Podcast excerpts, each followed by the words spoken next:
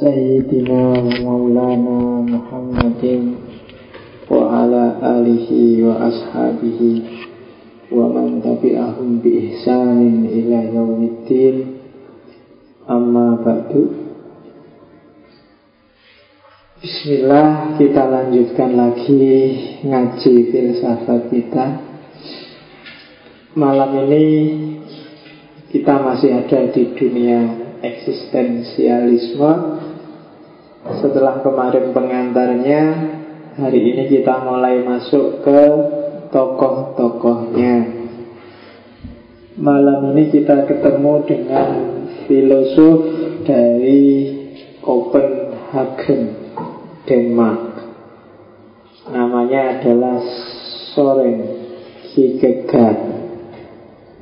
Kalau pakai lidahnya orang sana Biasanya membacanya agak bulat di belakang Jadi Soren Kierkegaard Jadi rodok masuk ke kerongkongan suaranya Jadi jadi O bukan A. Tapi ya tidak apa-apa. Mungkin agak terpengaruh Jawa. Kalau Jawa itu kan A tadi O. Meskipun banyak yang tidak konsisten. Kentang ya tetap kentang Tidak jadi kentong banyak kalau kamu teliti Jawa itu ya. Katanya kalau A jadi O Ternyata ya tidak semua. Oke. Kita awali Itu fotonya Ki Dekat Agak lumayan ganteng waktu mudanya. Itu waktu aktifnya dan yang sebelah sana waktu tuanya. Jadi yang sini agak lukisan, kalau yang sana foto, yang tengah foto, kalau yang sana lukisan. Tapi lukisannya orang barat era awal modern. Itu kan lukisan yang coraknya cenderung naturalis. Jadi ya, meskipun itu lukisan, insya Allah kayak gitulah dekat waktu tuanya. Ya sudah nggak ganteng lagi. Mana ada orang sudah tua masih ganteng Saat ganteng-gantengnya orang saat cakep-cakepnya Nek tua ya elek. Oke Makanya nyari pacar jangan cari yang cakep. Nanti tidak konsisten. Tuanya jadi jelek Kalau cari yang jelek kan konsisten. Tidak kecewa kamu. Dulu memang jelek sekarang jelek ya tidak apa-apa. Tapi kalau cakep berubah. Oke. Lagian kalau punya cakep sudah makan hati kamu tidak tenang. Kalau punya yang jelek kan tenang Kamu nggak khawatir emangnya siapa yang mau? Cakep kan kamu tiap hari stres jantungan kamu kan Jangan-jangan digoda orang. Ditinggal kasih Jangan-jangan lagi ada yang ngapain ini Jangan nggak tenang kamu. Ini kalau jelek kan tenang Aman, hidup tentram. Oke, itu hikmahnya jadi orang jelek.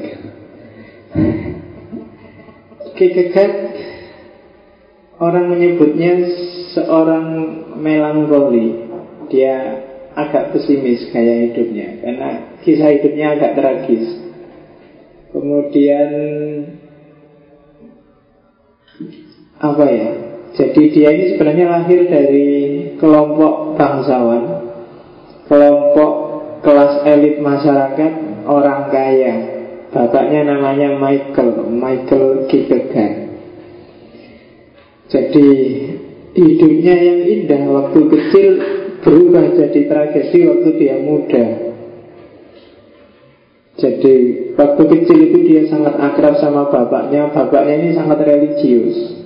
Tapi bapaknya menyimpan rahasia keluarga yang agak tragis Yang ini nanti agak menghancurkan hidupnya Kierkegaard jadi dia punya saudara tujuh orang.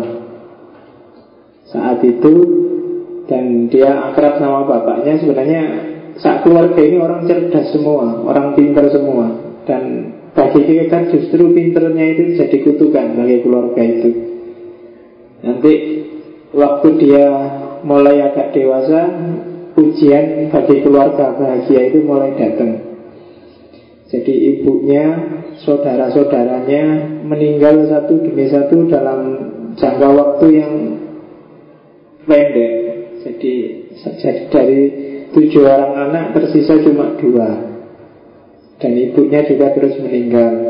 Bapaknya jadi stres luar biasa Akhirnya bapaknya bilang Jangan-jangan ini kutukan Tuhan Jadi keluarga kita ini mungkin keluarga yang terkutuk Karena dulu saya pernah melakukan dosa besar Nah Terus katanya lah dosa besarnya apa? Dosa besarnya adalah Dulu sebelum nikah Aku pernah melakukan itu.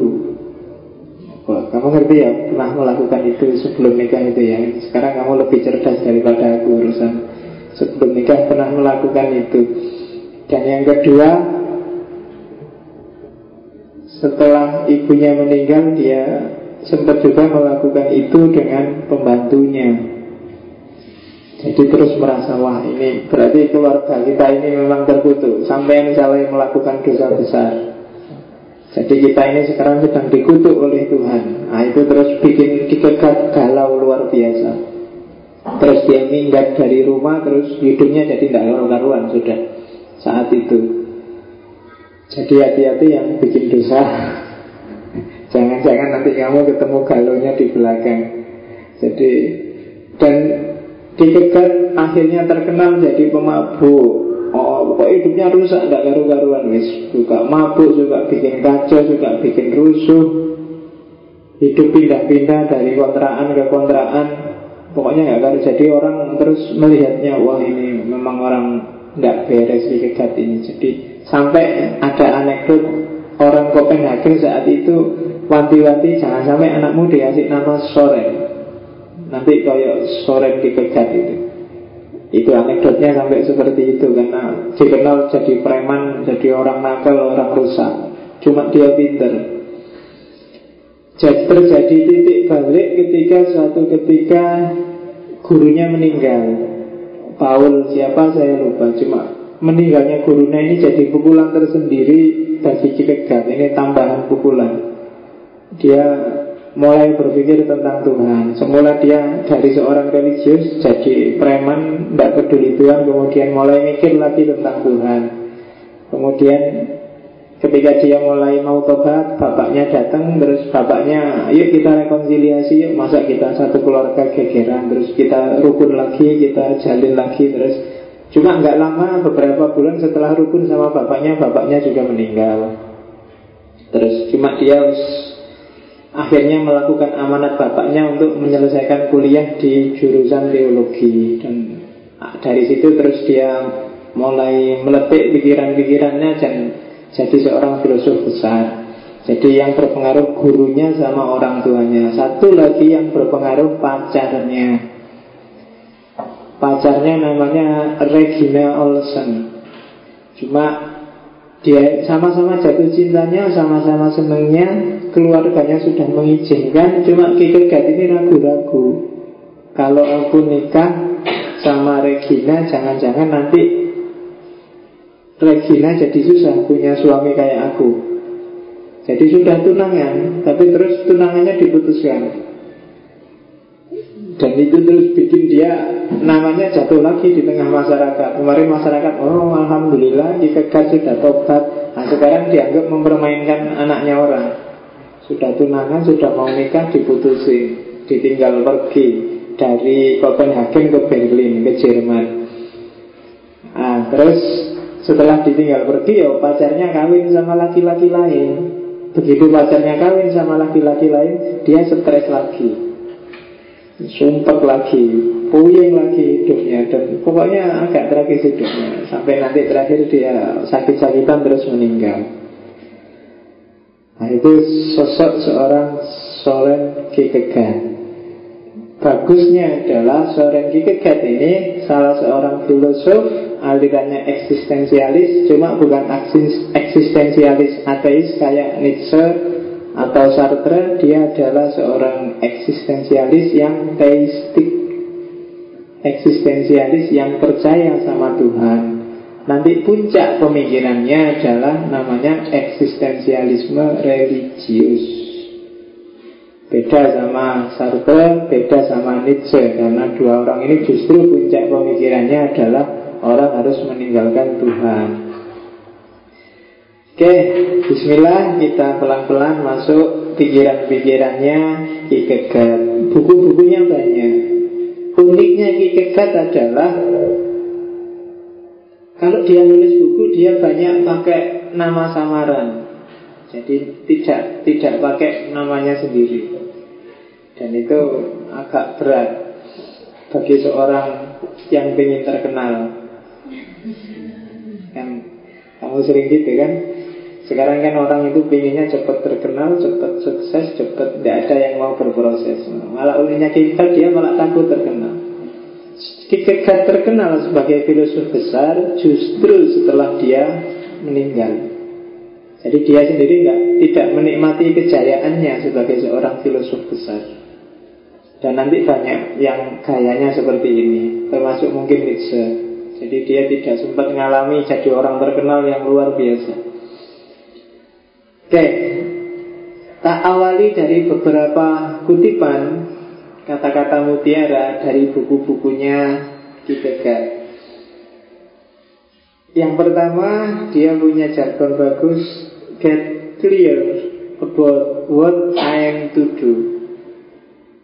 Jelaslah tentang apa yang aku lakukan. Itu prinsip eksistensialnya yang penting jadi kamu mau melakukan apa pun Kalau kamu pribadi yang eksis Itu kamu harus jelas. Kamu harus tegas. Apa janjian yang kamu lakukan itu loh Pengaruhnya apa dalam hidupmu? Maknanya apa dalam eksistensimu? Harus jelas. Ngaji filsafat ini Apa sih buat kamu? Ada maknanya apa apa sekedar ngabisin waktu? Apa apa? Nah itu harus jelas. Apa pun yang kamu lakukan. Jadi get clear about what I am to do. Kamu pacaran, kamu kuliah Kamu nongkrong, kamu gitaran Kamu anggringan, kamu apa pun Harus ada maknanya di sana. Bukan iseng, bukan ngawur Bukan tanpa kesadaran. Cirinya ada kesadaran adalah Kamu punya makna. Kamu bisa memaknai Cirinya tidak ada kesadaran adalah kamu nggak ngerti, tidak tahu menahu, kalau ditanya bingung. Itu berarti tidak ada kesadaran di sana.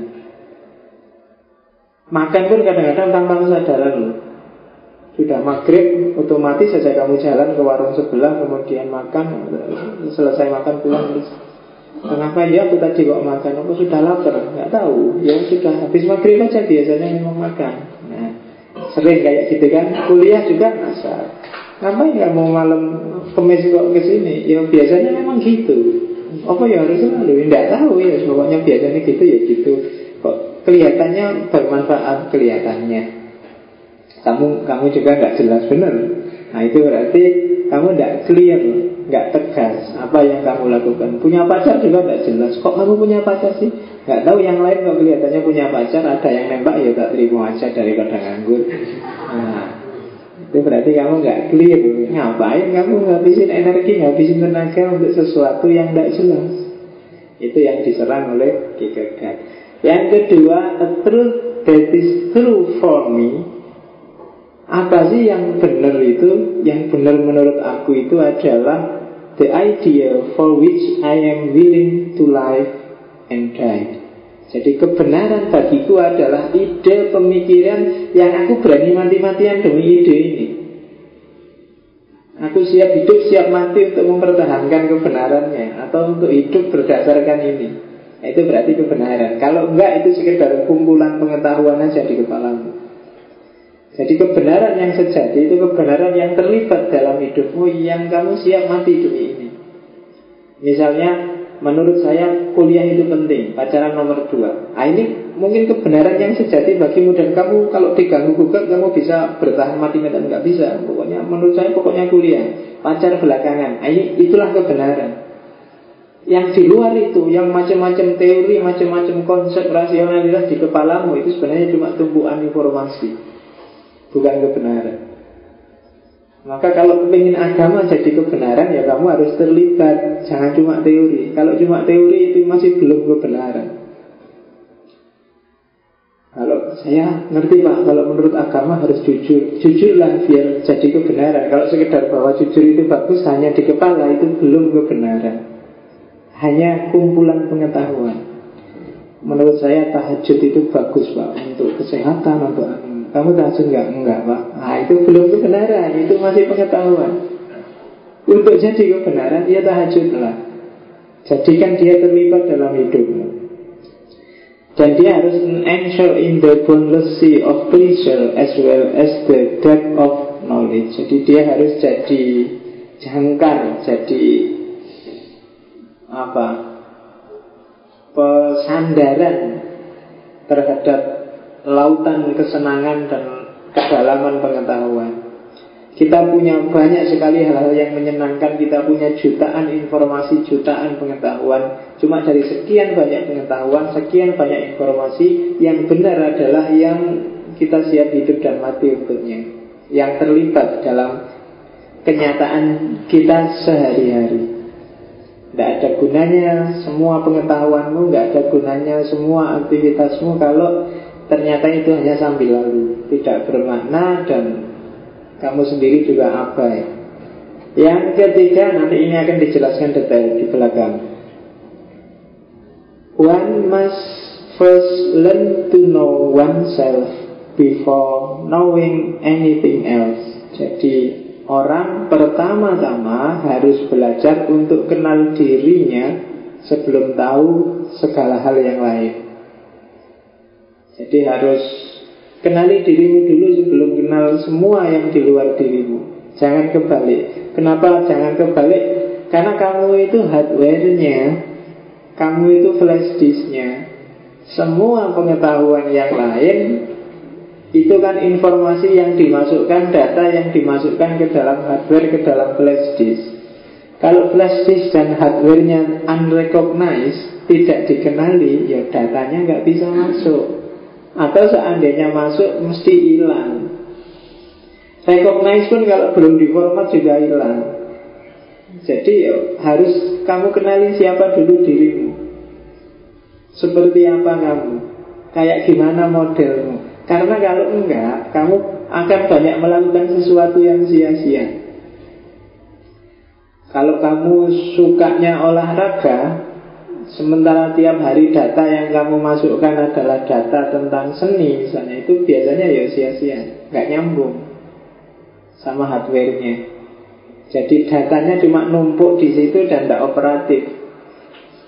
Jadi mungkin harus dibuang di recycle bin. Ngapain di situ lama-lama nggak dipakai? Kayak kamu download buku itu lagi semangat Semuanya di download Begitu sudah download ya paling ditinggal di situ lagi wocok Nah itu berarti tidak ada gunanya Ngapain kamu capek-capek download Jadi segala sesuatu harus kamu lakukan dengan perhitungan bahwa kamu butuh itu Dan hal itu terlibat dalam hidupmu.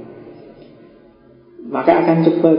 Kuliah juga gitu. Yang jurusannya nggak cocok mesti mati-matian menyelesaikannya. Kenapa? Nggak nyambung, nggak kompatibel sama basicmu sama kenyataan hidupmu. Wong kamu sukanya seni malah kuliah di matematika. Ya spontan penting. Bukan urusan nggak bisa, tapi karena kamu nggak enjoy, karena dia nggak terlibat dalam hidupmu.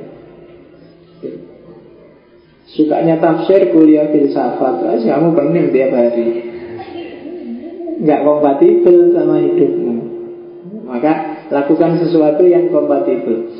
Out of what use is objective truth if it has no deeper meaning for me and my life? Itu pertanyaan. Apa sih gunanya kebenaran objektif kalau nggak ada maknanya terhadapku dan hidupku? Nggak ada gunanya. Kamu punya banyak sekali fakta objektif, tapi kalau nggak bermakna buatmu, nggak ada gunanya. Kamu punya fakta objektif macam-macam kan di kepala itu isinya. Kamu lihat TV tiap hari juga banyak sekali data Banyak sekali fakta, banyak sekali informasi yang kebanyakan sampah. Sampah itu nggak ada gunanya sama sekali buat hidupmu. Kamu menghabiskan energi untuk itu. Makanya kalau baca berita cari yang berguna buat kamu. Cari yang influensial terhadap hidupmu. Tidak harus semua dibaca berita itu. Kadang-kadang baca itu tricky apa sih gunanya kamu tiap hari nonton infotainment itu? Nah, nonton wah Dewi Persik di penjara Omai Rama pakai gelar profesor Kemudian itu kan semua informasi numpuk di kepalamu Tapi buat apa? Kamu ngerti A, ngerti B, ngerti C Bahkan artis sekarang bajunya apa Kaosnya warna apa? Kamu hafal semua. Rambutnya sekarang modelnya apa? Artis yang cerai siapa saja? Namanya Kamu hafal semua. Tapi buat apa informasi seperti itu? Tidak influensial Dalam hidup kita. Maka of what use? Apa gunanya? Nah kamu kuliah juga gitu, biar bisa menikmati kuliahmu, kamu harus tahu arahnya mata kuliah, arahnya ilmu yang sedang kamu kaji. Kamu belajar filsafat, apa sih gunanya ngaji filsafat? Apa sih gunanya kuliah tafsir? Apa sih gunanya kuliah dakwah? Apa sih gunanya kuliah adab? Kamu harus ngerti arahnya. Kamu harus bisa memaknai. Kalau tidak bisa, maka akan jadi beban. Tidak ada gunanya buat hidupmu. Nah, itu nanti teori eksistensinya Kierkegaard. Oke. Yang diserang oleh Kierkegaard pertama-tama sebenarnya karena dia sarjana teologi adalah kondisi keberagamaan di Denmark, Copenhagen.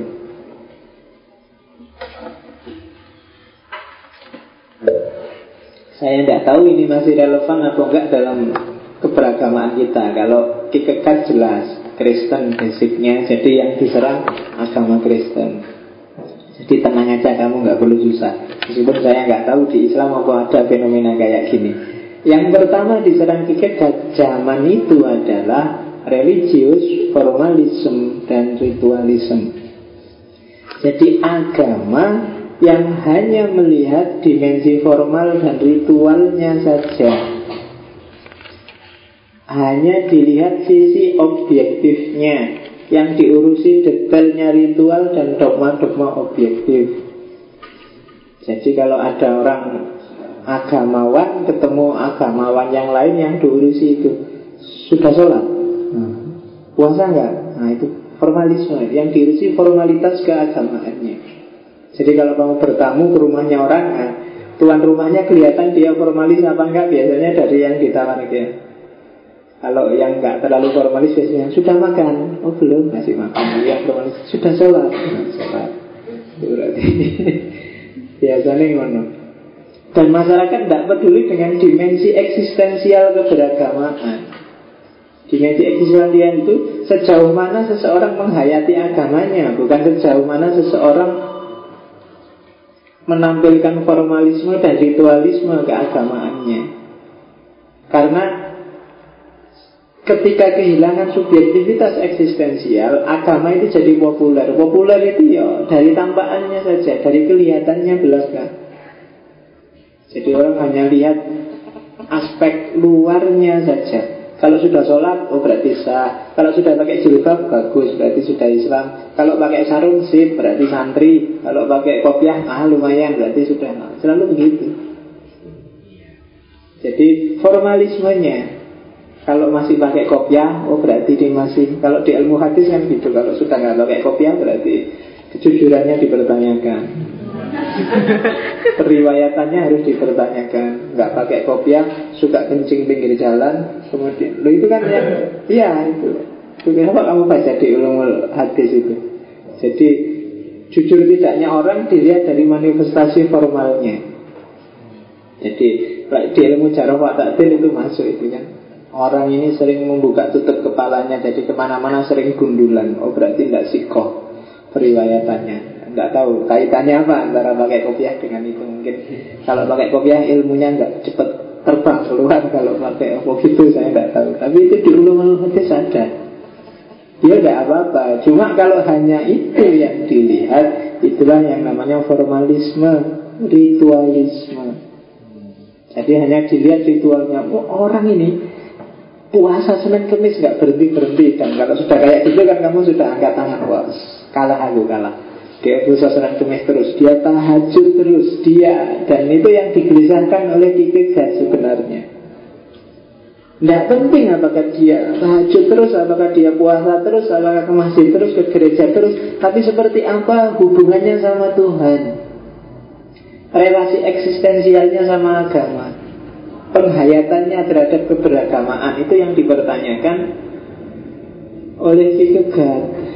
Kenapa sih orang jadi formalis, ritualis Kalau bagi kita ini pengaruhi Hegel mesti Nanti kita lihat gimana dia mengkritik Hegel Tapi yang jelas Orang-orang di awal modern yang dikritik oleh Kierkegaard adalah orang yang keberagamaannya lebih menekankan formalisme dan ritualisme.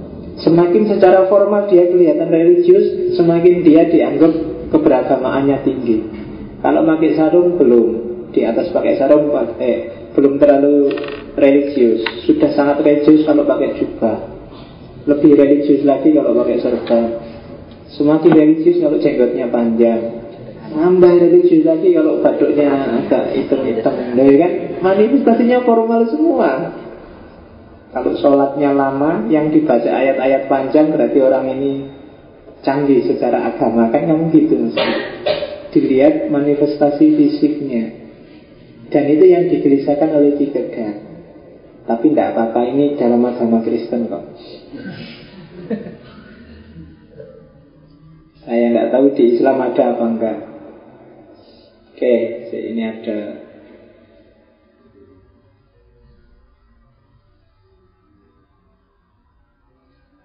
Selanjutnya dia mengkritik Hegel. Jadi saya nggak ngulang Hegel ya. Nanti kamu dengarkan lagi rekamannya yang pada bab Hegel. Jadi kalau di Hegel itu cara berpikirnya khas orang modern diawali dari Descartes. Selalu sifatnya abstrak, selalu sifatnya hal-hal yang pokoknya di luar manusianya.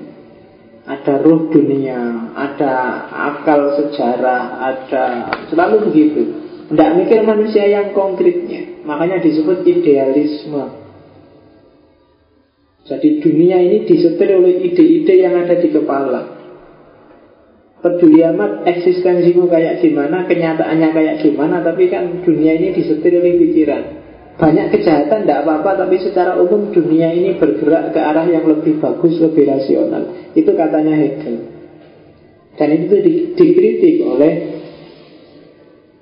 Kierkegaard Katanya Kierkegaard Cara berpikir model Hegel itu menghilangkan individualitas. Selalu melihat sisi komunalnya. Orang itu dilihat umumnya saja. Oh kalau orang Jawa itu lembut Kalau orang Madura itu suaranya keras Suka teriak-teriak. Kalau orang selalu begitu Dilihat crowdnya orang dilihat secara umum. Amerika itu pragmatis. Amerika itu anti Islam Amerika selalu melihat seperti itu. Dan orang susah mengekspresikan dirinya secara subjektif eksistensial. Saya orang Jawa tapi aku tidak lembut kayak orang Jawa. Tapi kan susah kan begitu kamu Jawa Jawa ya? Atau Madura. Ya benar saya Madura tapi saya Maduranya lemah lembut loh. Kan Orang tidak percaya, Pak, mungkin. Madura mana Ah, kamu tenggelam dalam Kalau bahasanya kita crowd Dalam kumpulan. Kamu kumpul di mana, di sanalah kamu dianggap. Orang tidak peduli bahwa kamu bisa ngaji apa enggak, bisa ceramah apa enggak, tapi begitu kamu bilang, saya mahasiswa UIN loh, nah orang, oh, UIN kok, wah, pinter Islam berarti ya, bisa ceramah dong, bisa ngaji dong, peduli amat bahwa kamu Sanjane ya iso. Tapi orang nggak lihat itu. Dia lihat logika crowdnya dan ini pengaruhnya Hegel sebenarnya. Identitas kelompok.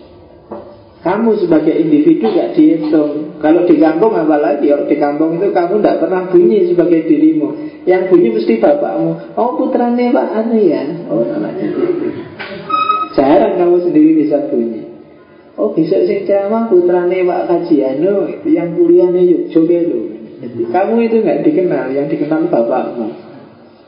Di sini yang dikenal kampusmu. Atau paling tidak kotamu, asalmu, dan seterusnya. Jadi manusia jatuh pada logika kelompok, pada crowd, hal-hal yang sifatnya kolektif. Dan ini pengaruhnya itu. Maka orang selalu menjelaskan Indonesia sedang krisis Sementara pemerintah bilang Indonesia itu ekonominya meningkat loh Kenapa? Pakai logika kerumunan tadi. Dan ini bikin orang Tidak bisa mengekspresikan dirinya sesuai apa adanya. Sebenarnya kamu males disuruh ceramah itu bukan dirimu, bukan bakatmu. Tapi kok ya terpaksa karena kamu jadi mahasiswa UIN Akhirnya kamu paksa-paksain belajar ceramah, kamu paksa-paksain akan, tapi tidak karu-karuan, kasihan yang dengerin jadi males ke masjid. Wong bukan jiwamu untuk adan dipaksa untuk adan ya tidak karu-karuan. Zaman saya KKN dulu ada temanku itu yang terpaksa harus adan Saking stresnya begitu teriak pertama yang keluar bukan Allah Akbar tapi Bismillah. teriak sudah ancang-ancang pokoknya yang penting keras mau ada itu. Mungkin saking stresnya karena nggak pernah ada di persoalan ya nggak mikir dia pokoknya saya ngutuk tiba-tiba Bismillah jadi wah iya lah dia tidak bisa jadi dirinya sendiri akhirnya kan karena di pressure oleh masyarakat yang pakai logika crowd, pakai logika kelompok. Oke, itu kritiknya pada Hegel. Dan ya, jadi eh, kita berpikir selalu pakai messing of society. Jadi sosiologi masa dan orang akhirnya ketika kehilangan crowdnya, ketika kehilangan kumpulannya, dia merasa asing bahkan terhadap dirinya sendiri. Ketika kamu dipisah dari uinnya, dipisah dari maduranya, dipisah dari bapaknya, dipisah karena kamu terbiasa tidak dipisah, begitu dipisah kamu sendiri bingung lah terus mau ngapain. Jadi orang tidak bisa mengekspresikan dirinya sendiri. Dia justru merasa hampa kalau terpisah dari kumpulannya. Dan itu problem sebenarnya. Dan yang disebut crowd Logika crowd itu kan logika Kalau dalam agama namanya logika madhab. Dan kamu melakukan sesuatu, bertindak sesuatu ya tergantung crowdmu. Yang NO ya ya kayak gimana NO dan kamu ikut ke sana. Meskipun kalau ditanya NO ya kamu bingung jadi dalilnya apa ya kamu tidak tahu. Pokoknya NO biasanya gitu ya kamu gitu. Kamu pasrah total pada para ahli. Kalau di situ tak terjemah letter para ahli untuk menunjukkan jalan yang benar dalam crowd. Ya kata kiai-kiainya gitu.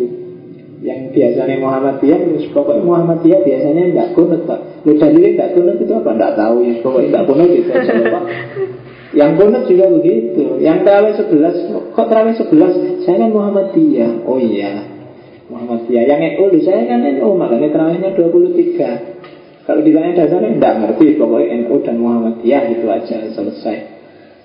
Dan sekarang jarang orang debat tentang terawih 11-20 kan Karena memang sudah jarang yang terawih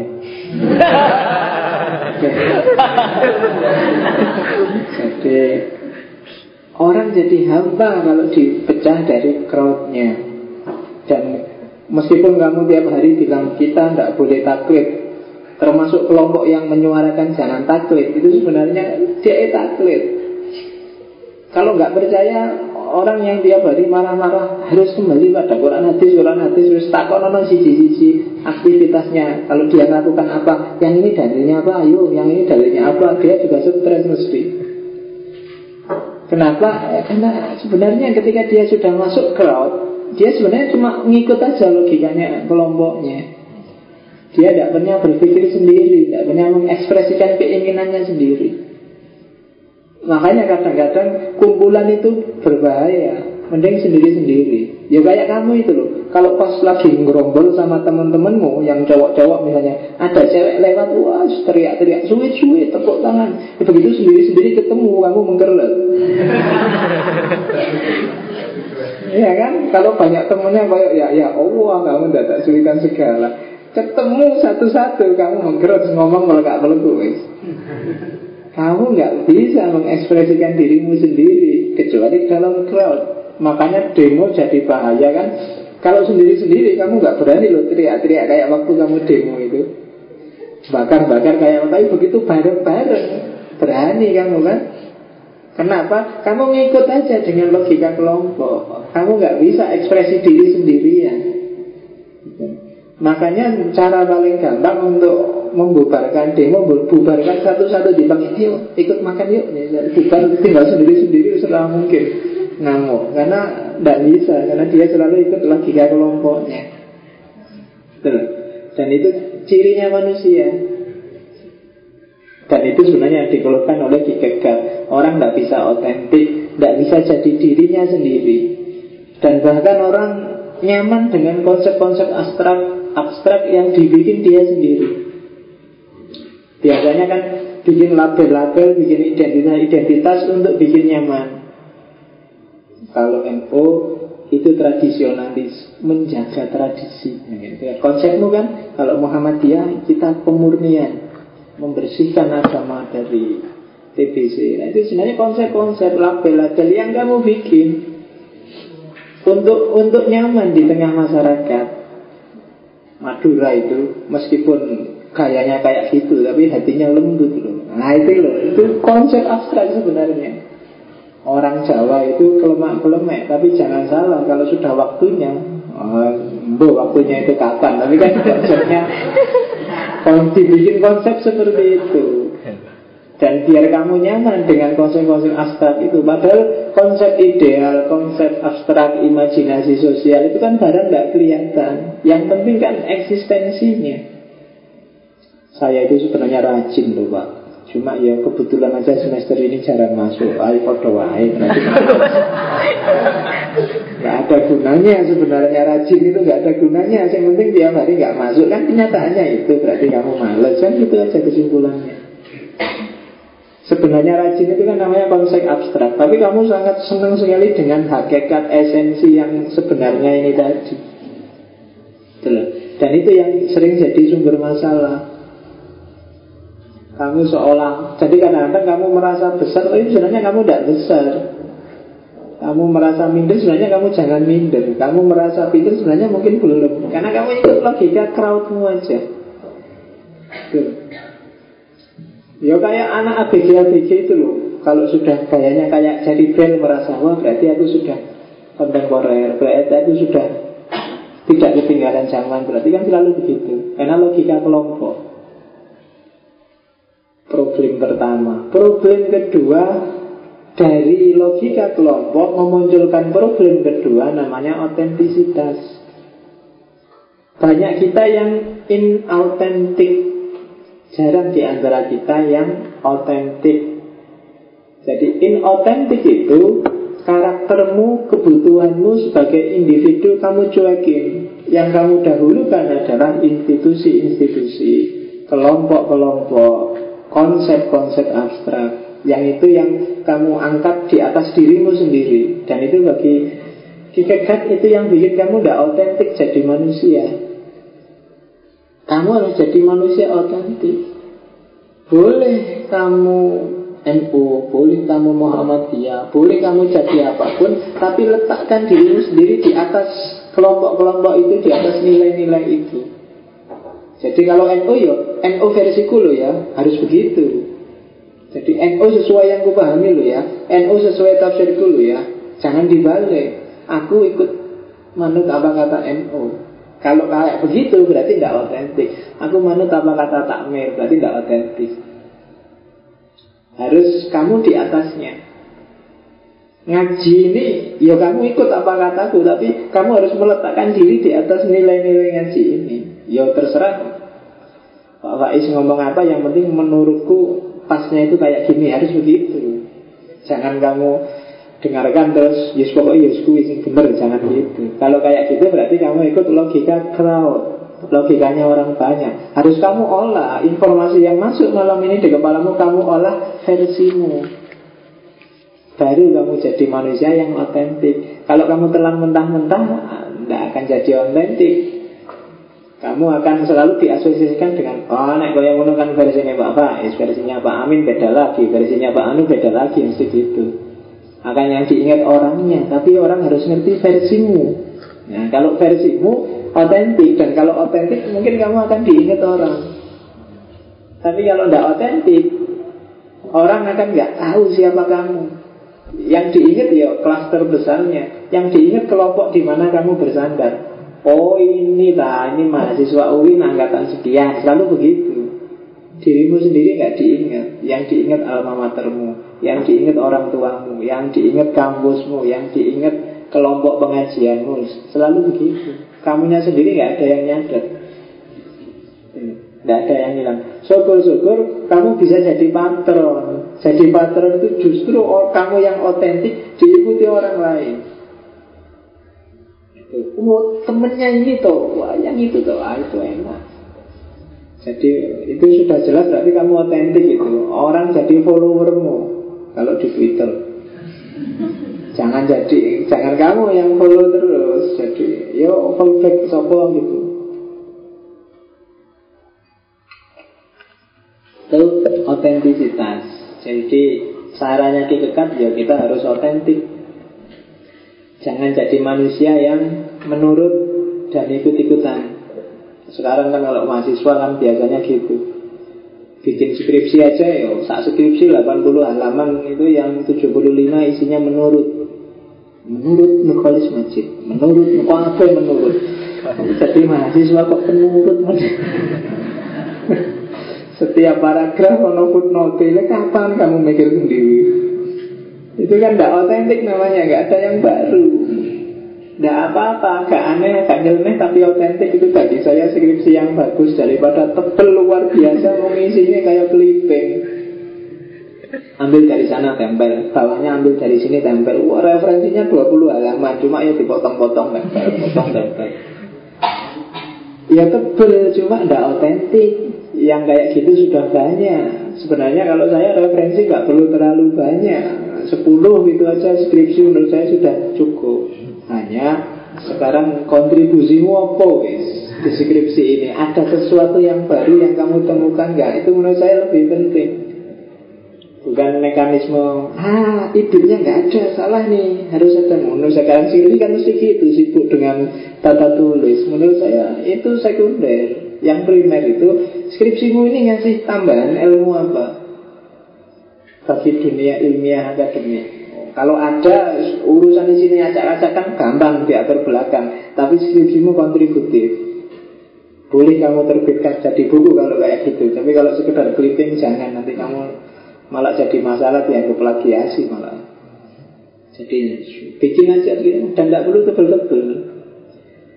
Di luar itu zaman saya di Australia itu saya lihat ada proposal disertasi malah kan itu cuma dua halaman Proposal disertasi merong halaman sini isinya. Penelitian tentang ini dengan metodologi ini ingin menemukan ini selesai. Dan di ACC itu jelas karena tegas itu loh. Daripada kamu bikin proposal 20 halaman untuk bosnya 18 halaman.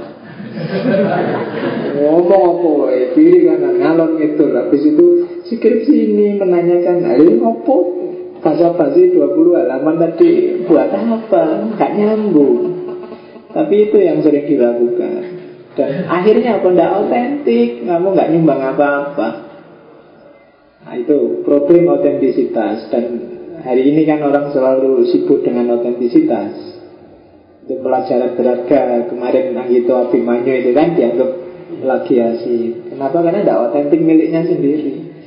Pokoknya elek-elek rapopo sih penting dua EDW kan gitu kayak katanya orang Jawa itu loh. Elek ya ben sing penting Urip kan ngono nek wong Jawa Lo itu semboyan yang luar biasa. Urip jangan diartikan sekedar hidup loh ya. Hidup itu berarti kamu eksis gitu loh. Elek ya ben yang penting eksis kan bahasa lainnya gitu. Biasanya kan motor-motor pitung itu ada tulisannya gitu. Elek ya ben yang penting urip kan ngono. Jadi ya, hidup lah ndak apa-apa. Jelek-jelek dikit ada kurangnya ada ndak apa-apa. Yang penting kan kamu eksis jadi dirimu sendiri. Itu otentisitas Nah dari otentisitas inilah terus Nah kalau gitu yang disebut eksis itu apa sih katanya Yang eksis secara otentik itu Nah ini baru kita masuk ke pembahasan eksistensialismenya dikegat Yang tadi itu latar belakangnya. Jadi katanya Ki Kegat yang namanya eksistensi itu hanya bisa diterapkan pada manusia. Di luar manusia nggak bisa eksis. Jadi eksis itu sama dengan sadar, paham, ngerti apa yang dilakukan dan apa yang terjadi di sekelilingmu. Itu eksis. Di luar manusia nggak bisa. Monyet, binatang, tumbuhan, barang itu tidak bisa eksis. Kenapa? Karena dia tidak sadar. Kayak robot itu kan kelihatan bisa eksis, bisa ngapain, tapi dia tidak sadar. Maka dia sebenarnya tidak eksis. Yang bisa eksis satu-satunya hanya manusia. Jadi eksis berarti hidup tidak hanya mekanis namun juga sadar, personal dan subjektif. Sadar itu berarti kamu ingat, kamu paham, kamu ngerti. Personal dan subjektif itu berarti yang terjadi itu adalah versimu, bukan versi yang di luar dirimu yang dipaksakan masuk padamu. Itulah yang disebut eksis. Dan eksistensi itu deadness, bukan whatness.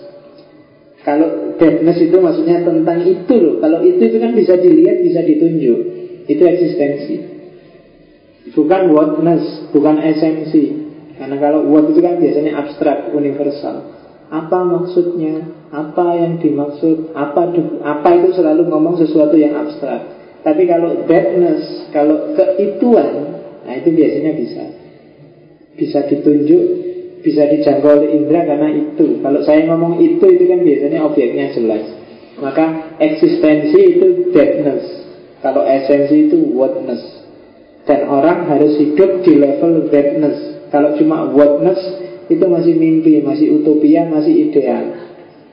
Tapi kalau sudah deadness Itu berarti sudah kenyataan. Islam itu agama yang damai, agama yang rahmatan lil alamin, agama yang baik untuk semua manusia. Itu wordness.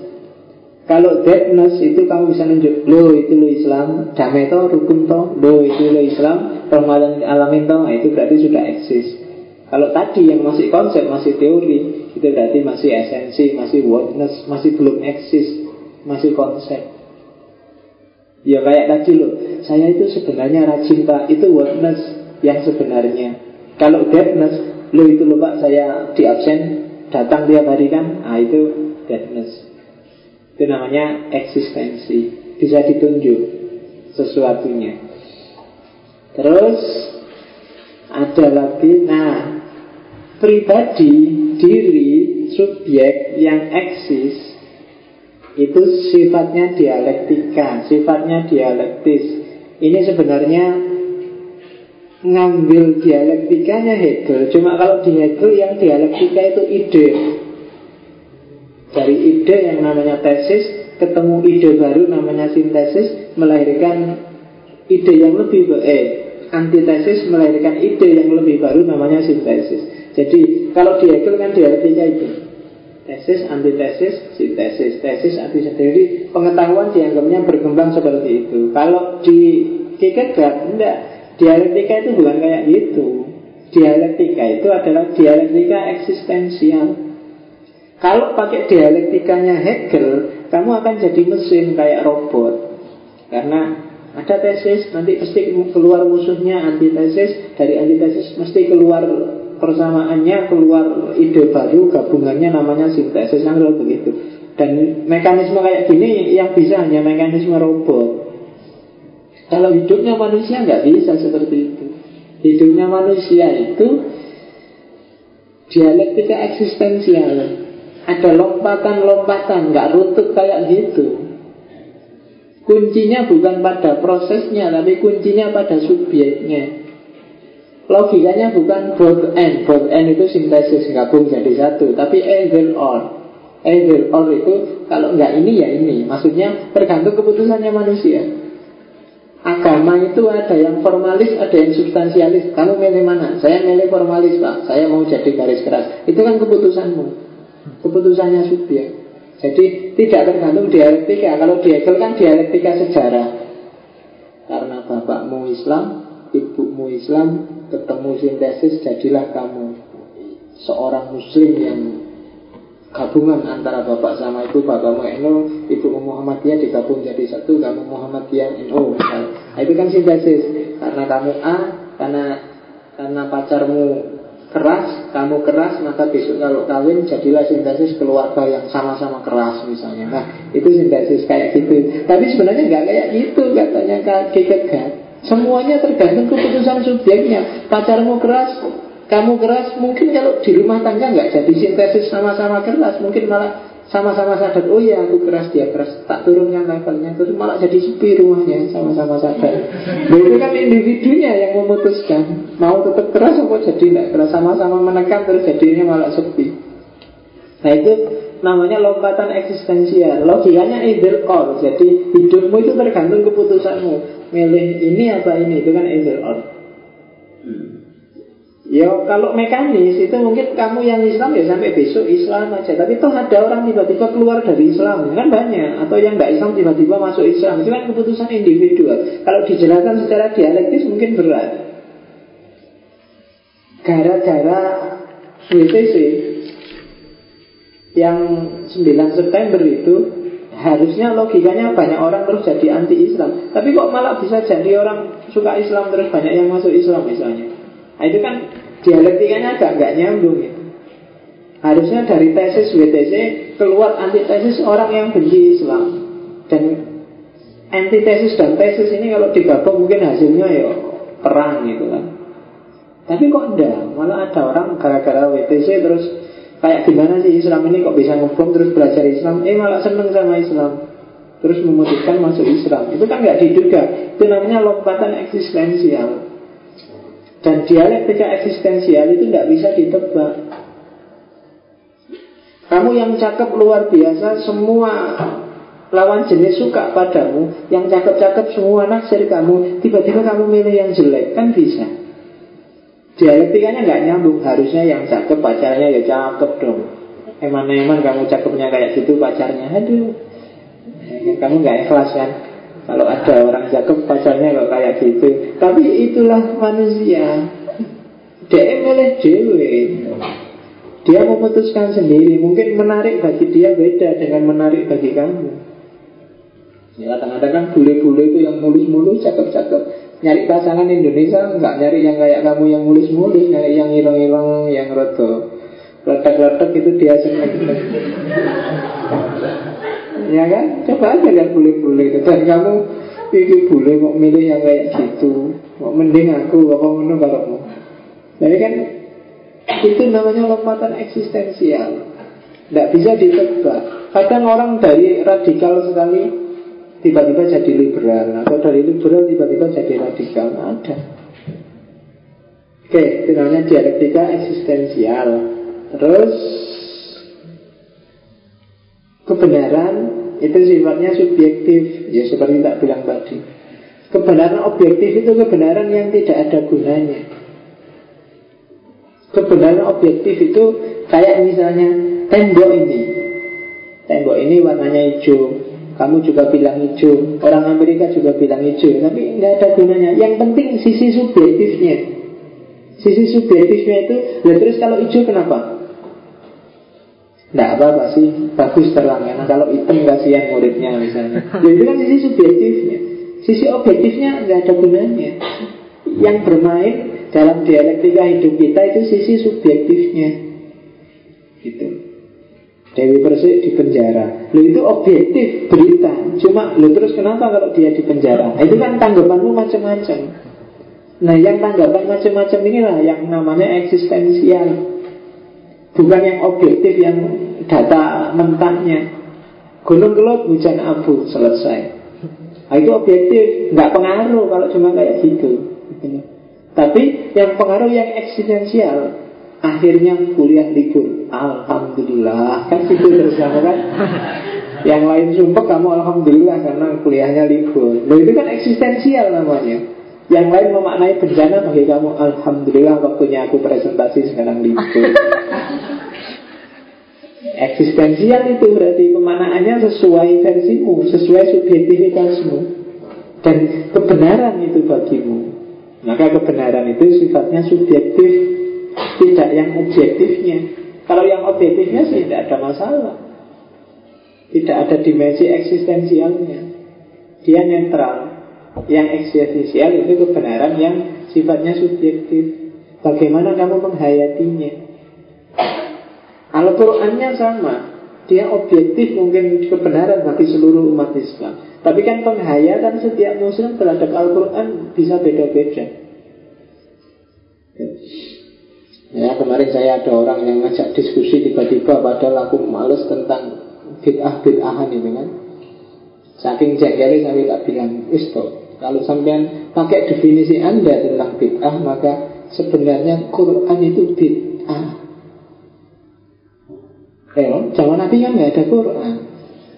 Yang kamu pegang tiap hari Kamu baca juz 1 sampai 30 itu Zaman Nabi nggak ada. Yang bikin zaman sahabat. Terus ada titiknya, ada harokatnya Itu semua bid'ah sebenarnya. Bikinan. Jangan mau kalau memang kita konsisten nggak ada bid'ahnya itu. Jadi cari Quran yang tidak ditulis di kertas, tidak dijilid, yang di pelepah-pelepahnya kambing itu terus modelnya cuma garis sama lengkung susut susut gitu. Tidak ada titiknya, nggak ada harokatnya, wis. Ya itu yang asli nggak bid'ah. Jadi kalau kamu anti bid'ah, jangan sampai kamu pegang Quran yang diterbitkan oleh Surabaya apa Kudus itu. Zaman Nabi nggak ada yang kayak gitu. Jadi kita harus bersihkan diri dari bid'ah Kan gitu harusnya lu nek konsisten Kalau pakai definisinya dia Bid'ah itu apa? Lah emangnya ada di Islam yang gak bid'ah Semuanya bid'ah sarungmu, celana dalammu Itu bid'ah semua Iya kan? Nabi aja nggak pakai celana dalam nggak tahu kan? Nggak nggak pernah buka.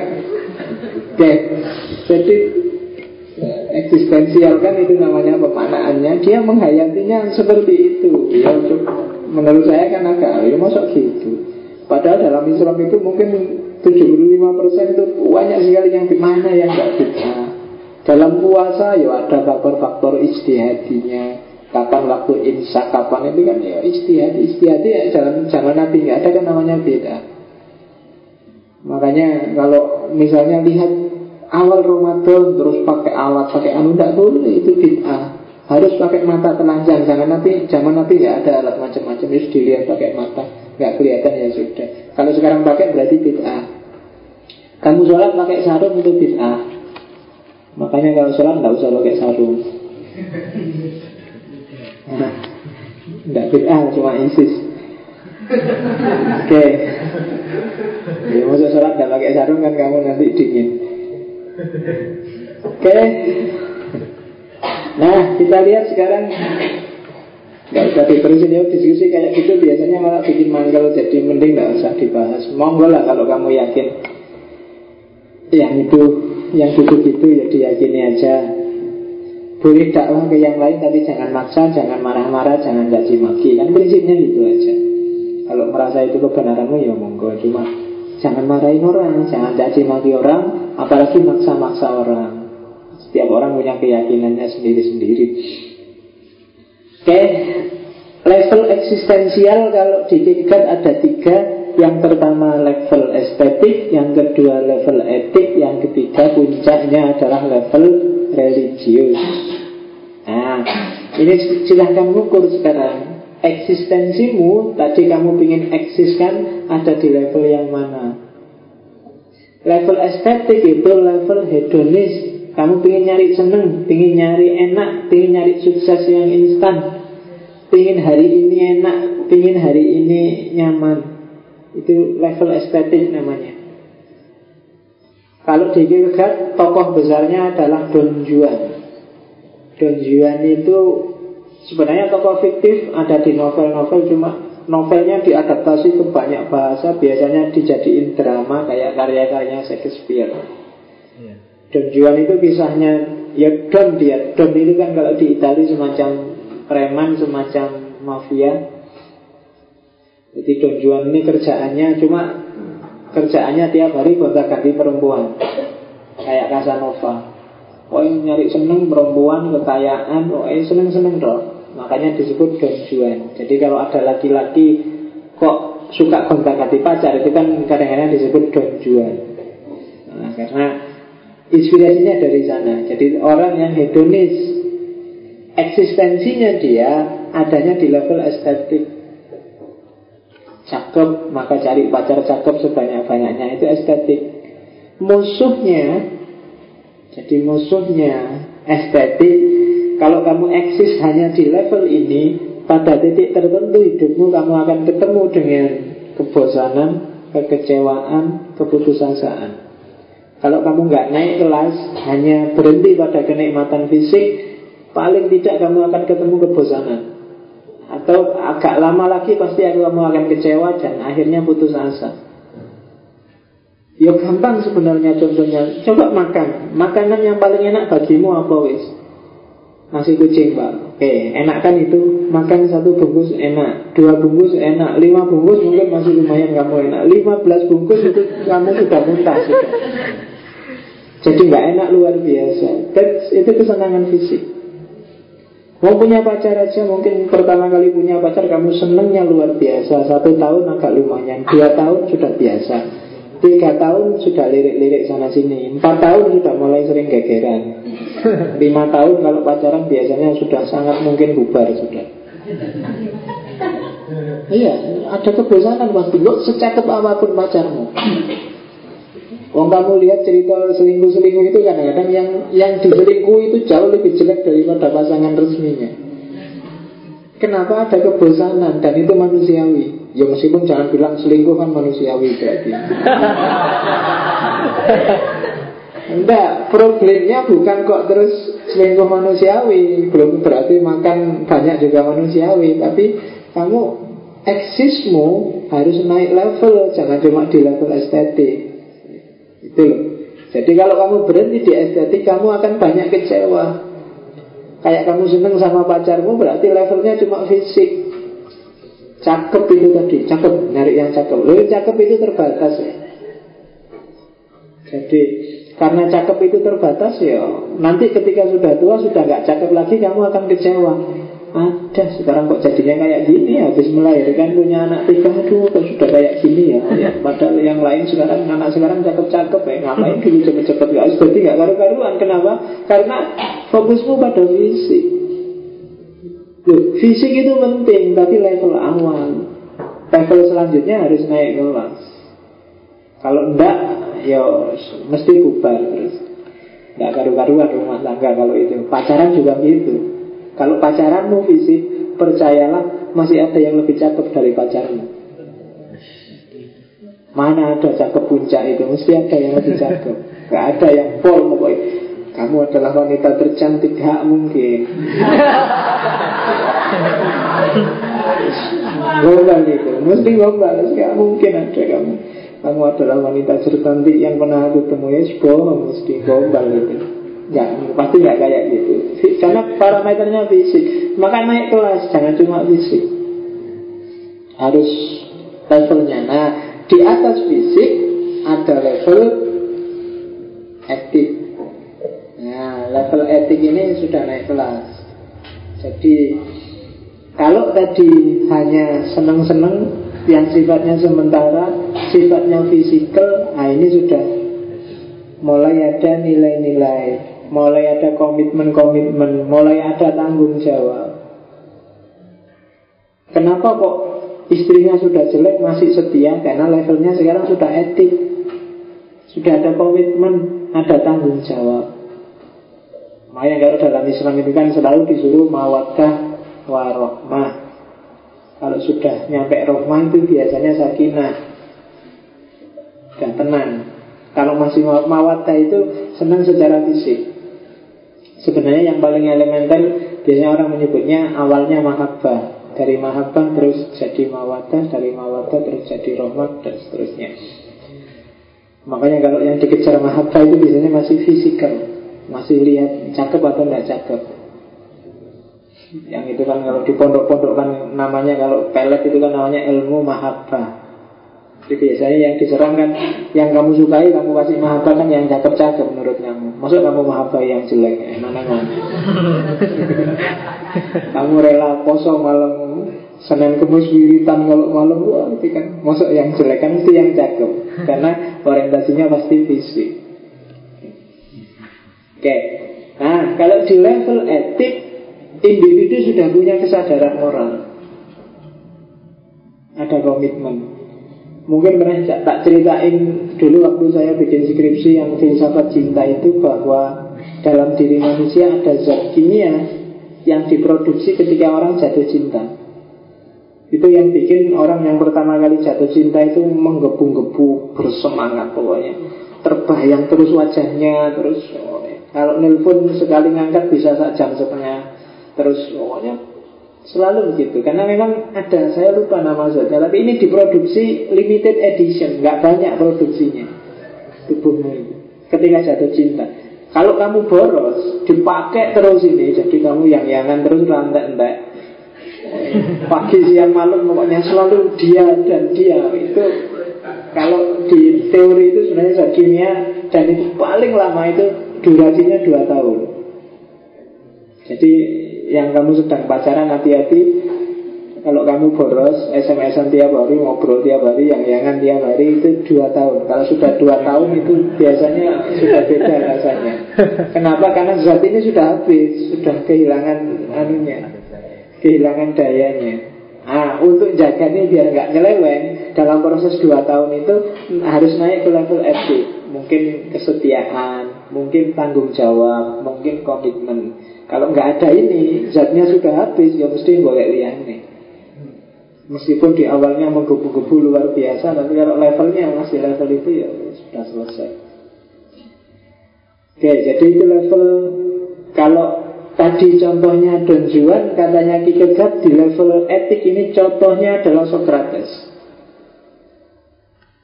Jadi orang yang menaklukkan dirinya sendiri demi prinsip-prinsip moral yang dia yakini itu Socrates. Meskipun oleh Kierkegaard dia disebut ironi. Ironi itu harusnya tidak begitu. Harusnya nggak sampai mengorbankan dirinya.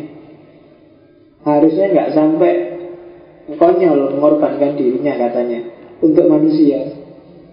Jangan seperti itu. Kenapa? Karena dimensi eksistensial manusia itu memang terbatas. Kalau memang kita nggak bisa ngatasi, yo jangan menyerah dengan cara bunuh diri katanya kan. Harus naik kelas lagi.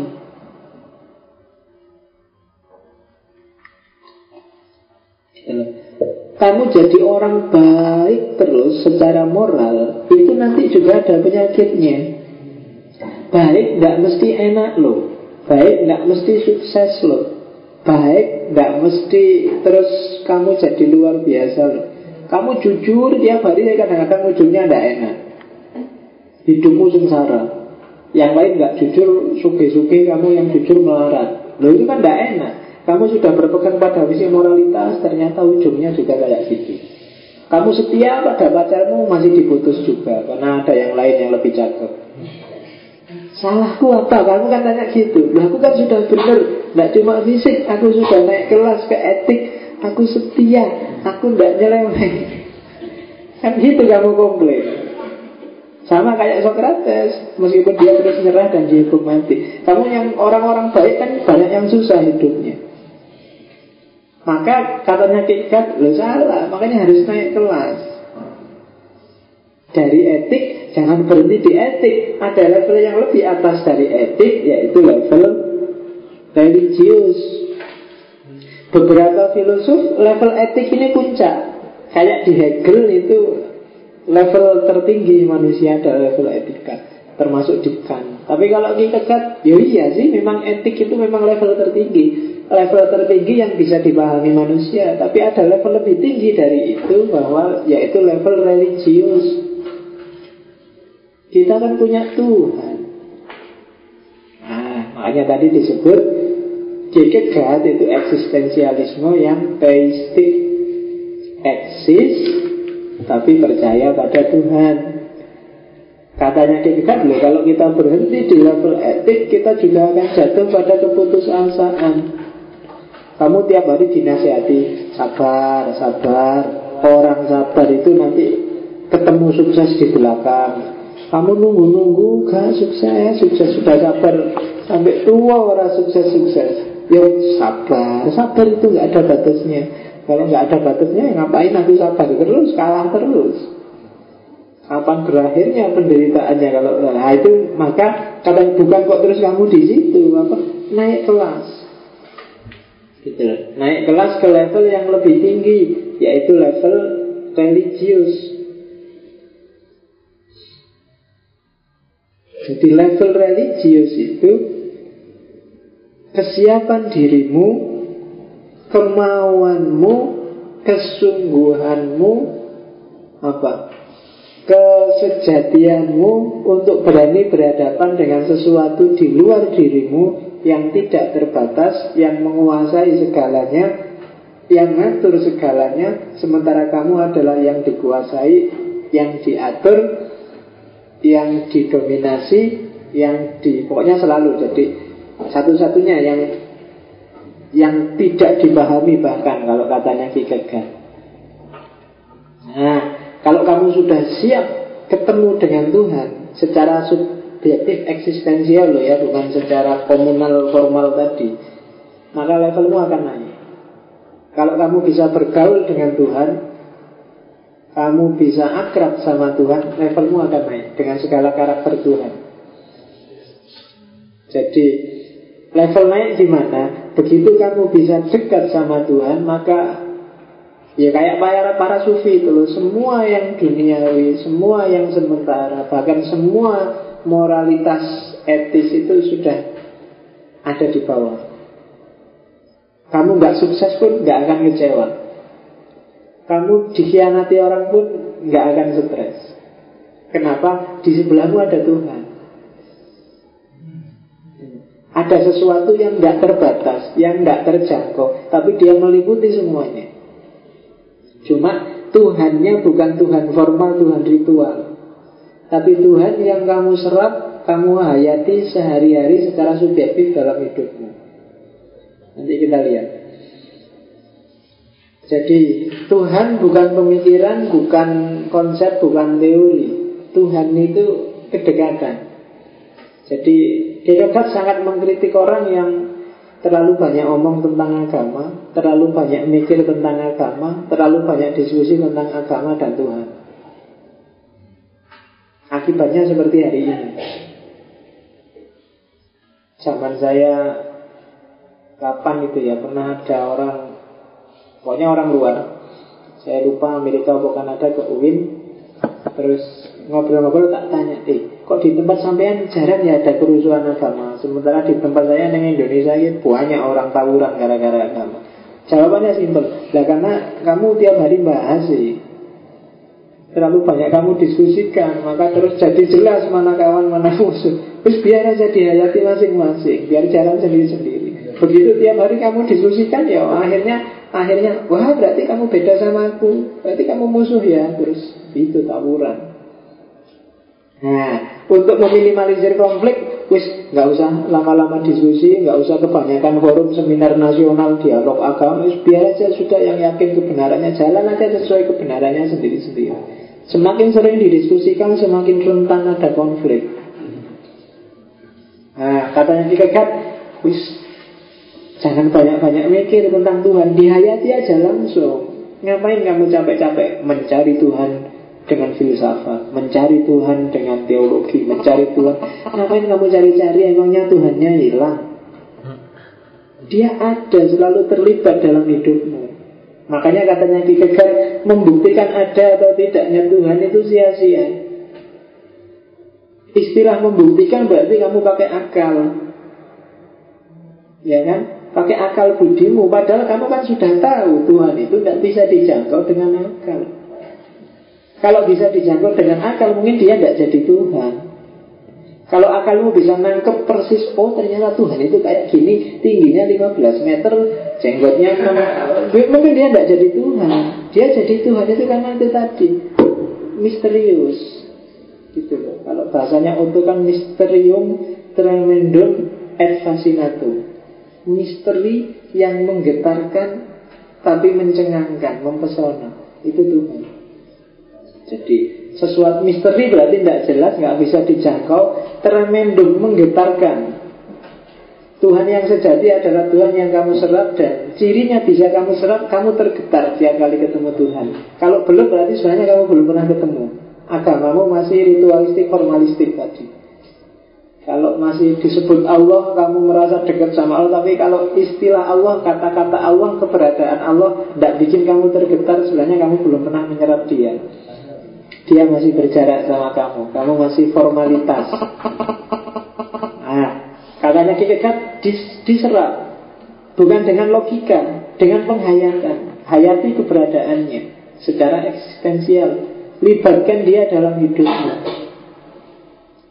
Dan itu kelemahannya kelompok beragama di Denmark zaman itu. Ya kalau kita kan ngomong Tuhan ya Tuhannya dia. Nah, tinggal kita pinjam untuk Tuhan kita. Kan kita bodoh ya bahkan lebih parah kondisi kita. Ya kan? Tiap hari kamu dengar nama Allah tiap hari Allah disebut. Harusnya setiap kali dengar adzan yang Allah Akbar itu kamu tergetar karena dia Tuhanmu Sesuatu yang luar biasa Yang misterium, tremendum, fascinatum Yang menyapa kamu Yang memanggil kamu. Tapi kan tiap hari kamu cuek. Kadang-kadang habis maghrib kamu nongkrong Ngerokok-ngerokok begitu dengar adzan Alah baru ini wis sisa ya? Dipanggil Tuhannya malah ngerundel. Gimana? Apalagi pagi-pagi subuh-subuh. Aduh Baru tidur sudah subuh Karena alam di Apalagi kuliah, kadang-kadang kuliah lagi asik ceramah tiba-tiba Allah ada ganggu kuliah ini. Adan aja, bu adan jangan rame-rame, adan kok nggak boleh rame-rame. Kamu sedang dipanggil oleh Tuhan, tapi kamu nggak kaget sedikit pun malah berubah keberagamaanmu masih formal. Terus kamu diskusi gimana jawab adzan Ini problemnya bukan jawab adzan dan tidak jawab adzan Ketika Tuhan memanggil kamu kaget nggak? Kamu tergetar nggak? Kamu inget dia nggak? Kamu kan jarang gitu. Yang kamu inget pokoknya kamu terganggu aja gara-gara suaranya adzan dan kamu terus diskusi. Kira-kira kalau ada adzan 10 yang dijawab adzan yang mana? Ayo Dan kamu rame diskusi itu kan. Kamu lupa bahwa itu sebenarnya panggilan Tuhan Bukan masalah berapa jumlahnya kalau dipanggil Tuhan kamu datang nggak? Kan itu aja masalahnya. Bukan masalah mana yang harus dijawab. Berarti Tuhan sebenarnya masih tidak eksistensial. Tidak kamu hayati. Tuhanmu masih formalistik, ritualistik. Kayak kritiknya Kierkegaard Nah, kalau di bukunya Kierkegaard ada judulnya Fear and Trembling. Fear itu rasa takut, trembling itu rasa gemetar. Karena kagum berhadapan kalau bahasa sufinya itu semacam khauf dan roja. Jadi sama Tuhan itu kamu jangan sembrono, hati-hati, harus ada takutnya. Tapi juga jangan pesimis, harus penuh harap karena Tuhan itu maha pemaaf dan maha penyayang. Jadi agak kontradiksi tapi seperti itu bergaul dengan Tuhan. Tuhan itu Rohman Rohim tapi juga Sadidul Iqob. Kamu hayati paradok-paradok ini. Dan itu sebenarnya yang banyak dibahas oleh Kierkegaard. Contohnya orang yang sampai level eksistensial religius itu Ibrahim. Ya kalau bahasanya Kierkegaard bukan Ibrahim tapi Abraham. Ibrahim ini sudah nyampe level ini karena dia sudah melewati level etika dan sampai level religius. Makanya itu teleological suspension of ethic. Jadi etiknya dikat, dihentikan demi agama. Jadi cirinya Ibrahim itu ada tiga. Yang pertama infinite resignation, kepasrahan total pada Tuhan. Itu cirinya yang menyampai level religius. Jadi dan ini kenapa kok kayak gini ya filosofnya Kierkegaard Ya karena dia punya banyak sekali kekecewaan dalam hidupnya Yang dia nggak bisa ngatasi seperti yang bayangkan di awal tadi Dan yang bikin dia terhibur pada akhirnya adalah ketika dia bisa komunikasi langsung merasa bisa bergaul akrab sama Tuhan. Ketika dia mungkin berusaha melakukan itu, infinite resignation. Sudahlah, dipasrahkan aja semuanya pada Tuhan. Biarin dia yang ngatur. Dan ketika kesadaran ini muncul, maka akan diiringi kesadaran bahwa ternyata selama ini kesalahan besar kita adalah kita tidak sadar bahwa kita butuh Tuhan. Oh banyak kesadaran bahwa kita butuh Tuhan itu sering hilang dalam hidup kita. Kalau ada kesulitan kamu mikir sampai pening, kamu lupa bahwa kamu punya Tuhan. Seolah-olah hanya kamu yang bisa menyelesaikan masalah. Seolah-olah akalmu yang bisa ketemu solusi. Padahal mungkin enggak. Kadang-kadang masalah itu kamu pikir sampai pening tidak ketemu. Begitu kamu lepaskan, sudahlah tak ikhlasin aja Jadi solusinya datang Dan sering kamu lupa bahwa yang kamu butuhkan sebenarnya Tuhan Itu katanya Kierkegaard Infinite resignation. Pasrah tanpa batas. Jangan setengah-setengah kalau pasrah. Ya apa-apalah saya dikasih istri nggak cakep. Yang penting dapat istri. Nah, Itu itu dapat ya, Kalau lumayan lah cakep dikit juga nggak apa-apa. Nanti kamu selalu tawar-menawar sama Tuhan. Kepasrahanmu nggak total Ya Tuhan, kupasrahkan semuanya padamu Tapi kalau bisa ya aku kasih inilah Nah itu ya Kamu masih nawar Kan biasanya kamu kritis kan kalau berdoa itu Sekarang hari ini kan senengannya gitu kalau berdoa kayak orang baca puisi, kayak orang baca berita itu kan. Malaikatnya mungkin capek, tapi ini mau minta apa tuh kok suwe banget. Karena kadang gitu kok. Ya Tuhan, aku tahu bahwa Engkau Maha Kuasa. Kesuwen jadi jaluk apa? Kedawan Pengantarnya wajah kadang-kadang sampai lali mau minta apa. Ya kan? Infinite resignation. Pasrah total aja. Tuhan tahu yang terbaik buat kita Katanya Kierkegaard Dan kalau kita sudah bisa infinite resignation Maka kita akan see night of faith Pejuang keimanan Dan pejuang keimanan Night of faith itu is delighted Dia hidupnya selalu enjoy Selalu senang, selalu ceria. Tidak ada kesedihan Tidak ada pesimisme Tidak ada putus asa Tidak ada kecewa. Kalau kita sudah nyampe pada infinite resignation Jadi kepasrahan total. Apa pun yang dialami Oh kayak sini tuh skenario Tuhan Oh jadi selalu senang ceria Semuanya ditanggapi dengan senyum. Allah mengurusan dunia Saya kok dipikir dengan segitunya. Yang penting Allah masih rindu dan seterusnya. Para sufi biasanya ahli di bidang ini. Makanya orang yang keberagamaannya sangat tinggi Para sufi, para aulia itu jarang yang merenut Wajahnya mesti enak dilihat karena selalu tersenyum. Merenut aja enggak, apalagi ngamuk. Apalagi sampai banding orang, meeting orang Berarti belum, levelnya masih jauh gitu Para sufi, dia nggak usah ngomong Kamu lihat wajahnya, saya sudah tentrem. Nggak usah ceramah, kamu lihat wajahnya sudah nyaman. Karena enak, dia selalu delighted. Dia selalu ceria, dia selalu enjoy, menikmati hidup. Karena semuanya sudah dia pasrahkan total pada Tuhan. Tidak ada yang bisa menggetarkan hatinya selain Tuhan. Ketemu apa pun. Menyenangkan ataukah menyedihkan Apakah yang ngaji banyak atau tidak ada yang datang Tidak kaget. Biasa aja. Kayak kamu tadi takmir kan Duduk Pembicaranya sudah datang ini. Datang cuma dua Gimana ini? Kan kamu stres itu Biasa aja. Gak kaget. Ojo khawatir. Gitu kok malah kaget.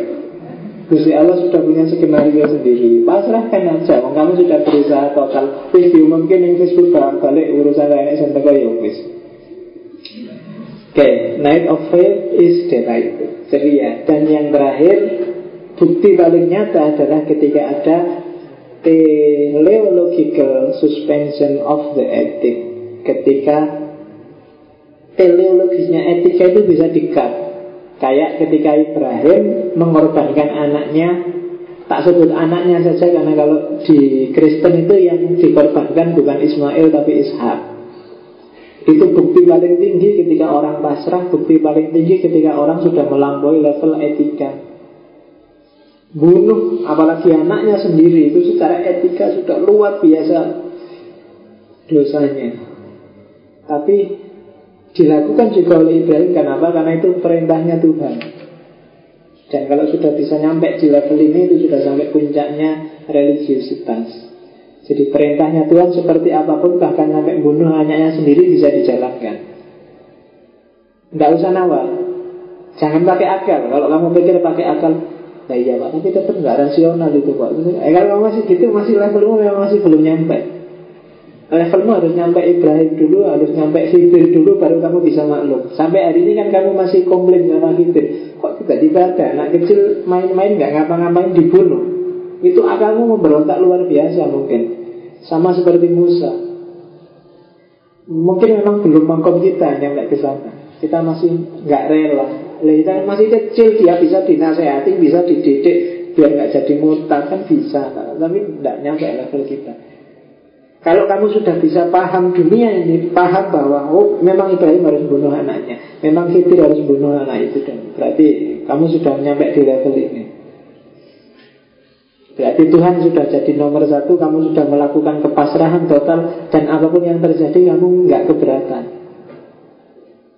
Dan itu yang dialami oleh Ibrahim bahkan Ismail. Ismail ini luar biasanya karena dia masih kecil. Jadi masih belum paling kalau sekarang ya TK atau SD kelas 1 Tapi dia sudah Dia ngerti bapaknya terang-terangan mau dibunuh Itu kan yang kalau saya lupa di kitab apa itu. Itu asal mula kenapa setan itu kok matanya cuma satu. Sebenarnya dulu matanya dua. Cuma ketika Ismail mau dibunuh itu Terus dia mendekati Ismail Ismail, kamu jangan mau dibunuh Masa dibunuh, kamu masih Ismail enggak, enggak apa-apa. Bolak balik, kamu kok mau dibunuh? Jengkel akhirnya, dia ngambil batu Dilempar setannya, terus kena matanya satu itu. Jadi akhirnya setannya matanya tinggal satu Tapi itu ada di kitab Saya lupa kitab kuningnya Tapi matanya setan satu itu karena dilempar oleh Nabi Ismail. Oke, jadi Makanya gelarnya Ismail itu kan Rabihullah Sembelihannya Allah Dan jangan takut ketika religiusitas itu puncak, Allah masih ganti. Dan gantinya double, anaknya tetap dapat, dapat tambahan kambing, dapat tambahan Allah. Dan sebenarnya kenapa tadi kok Kikegat pertunangannya diputuskan?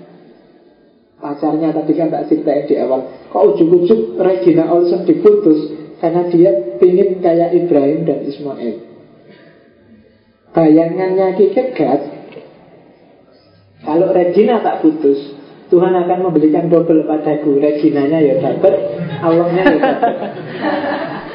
Kayak ketika Ismail mau disembelih. Ternyata enggak, makanya ketika Regina kok terus nikah sama laki-laki lain, dia stres lagi. itu kikegar.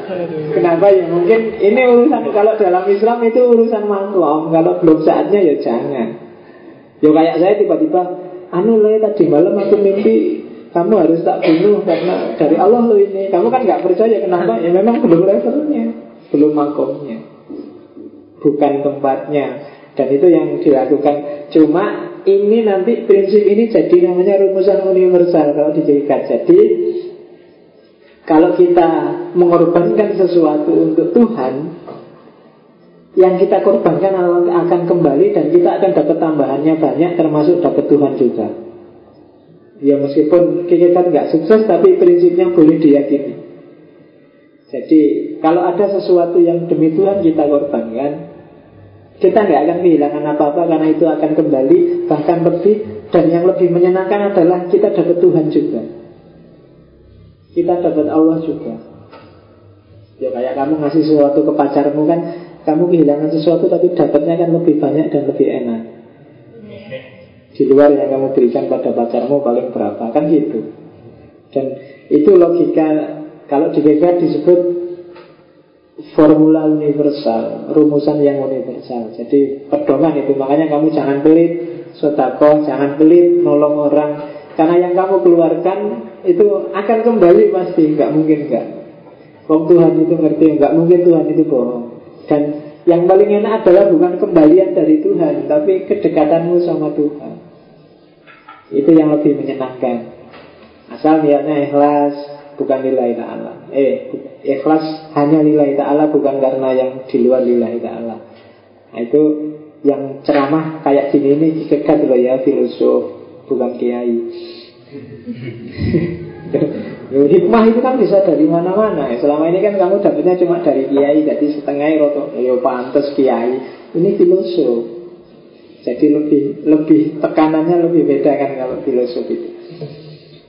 Oke, terakhir karena filsafatnya ini panjang, tak potong-potong jadi lima cuma beberapa. Anggap aja ini hikmah filosofi dari karya-karyanya dikejar. Tak potongin beberapa.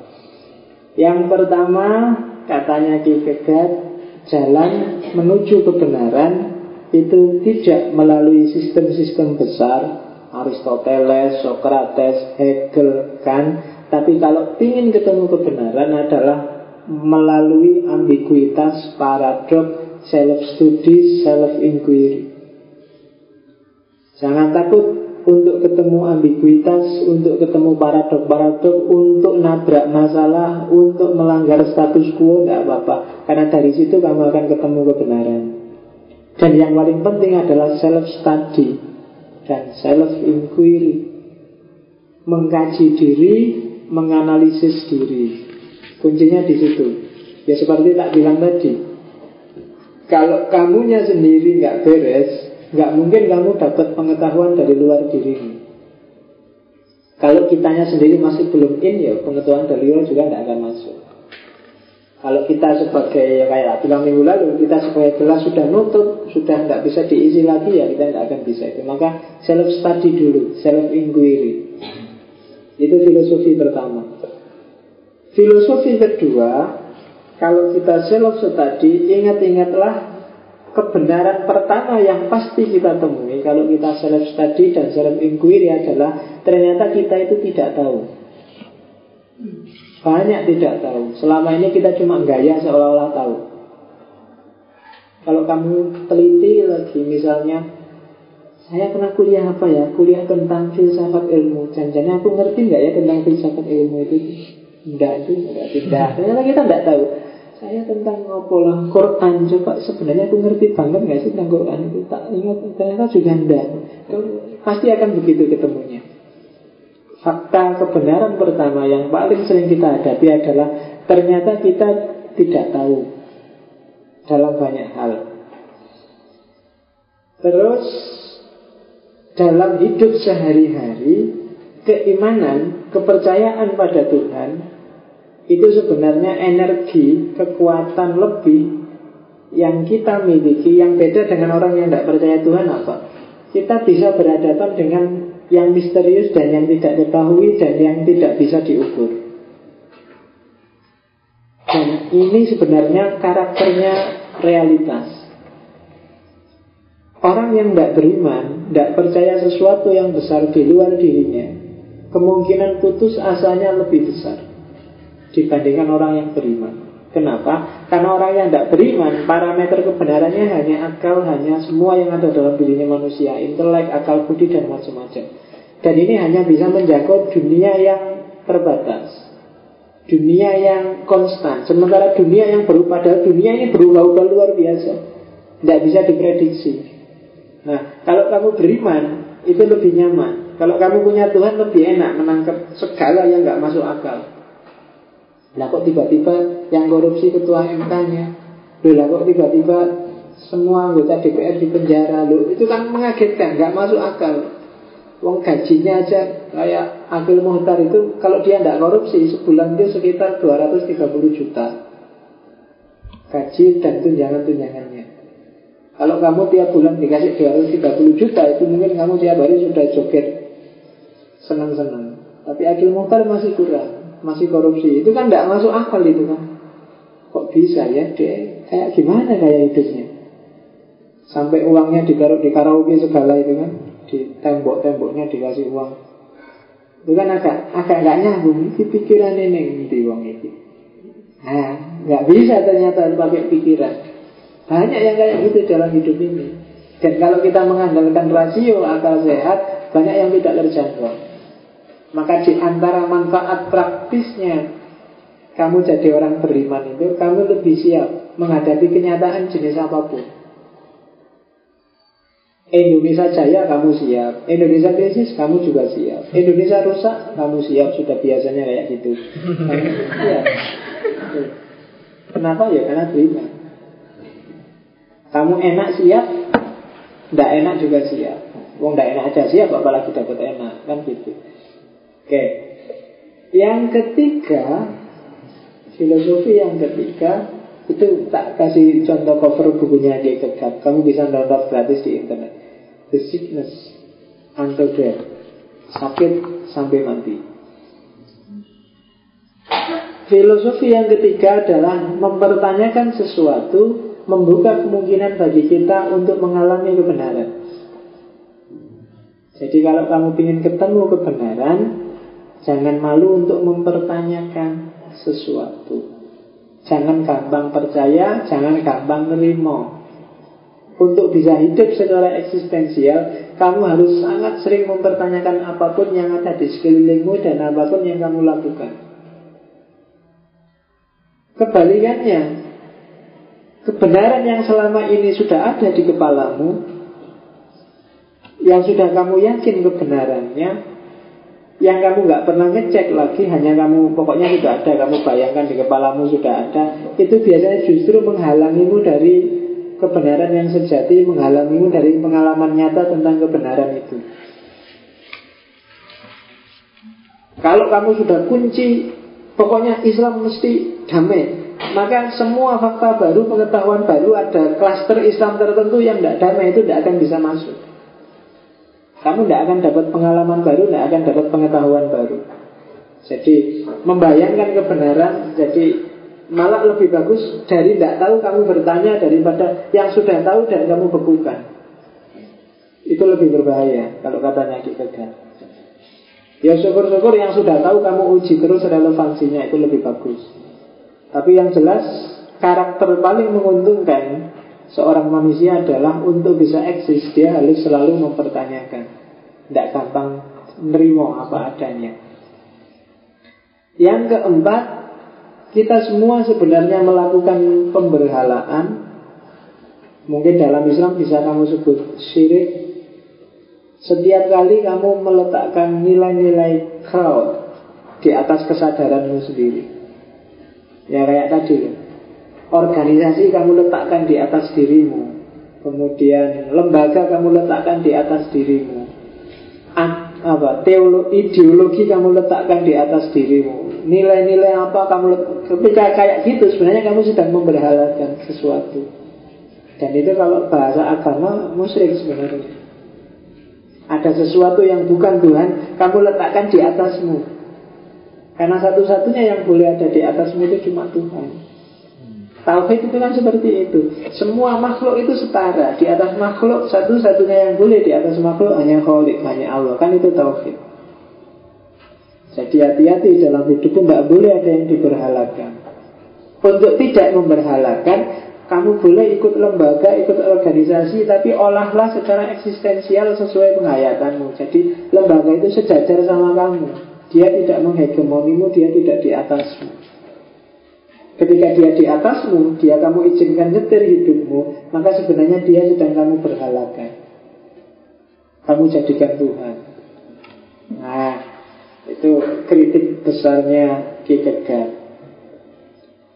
Dan yang terakhir, kenapa sih kok rasanya Kierkegaard agak sinis terhadap akal, terhadap rasio? Kalau kamu baca bukunya Kierkegaard, sebenarnya dia bukan sinis pada rasionya. Dia bukan tidak setuju terhadap orang pakai akal.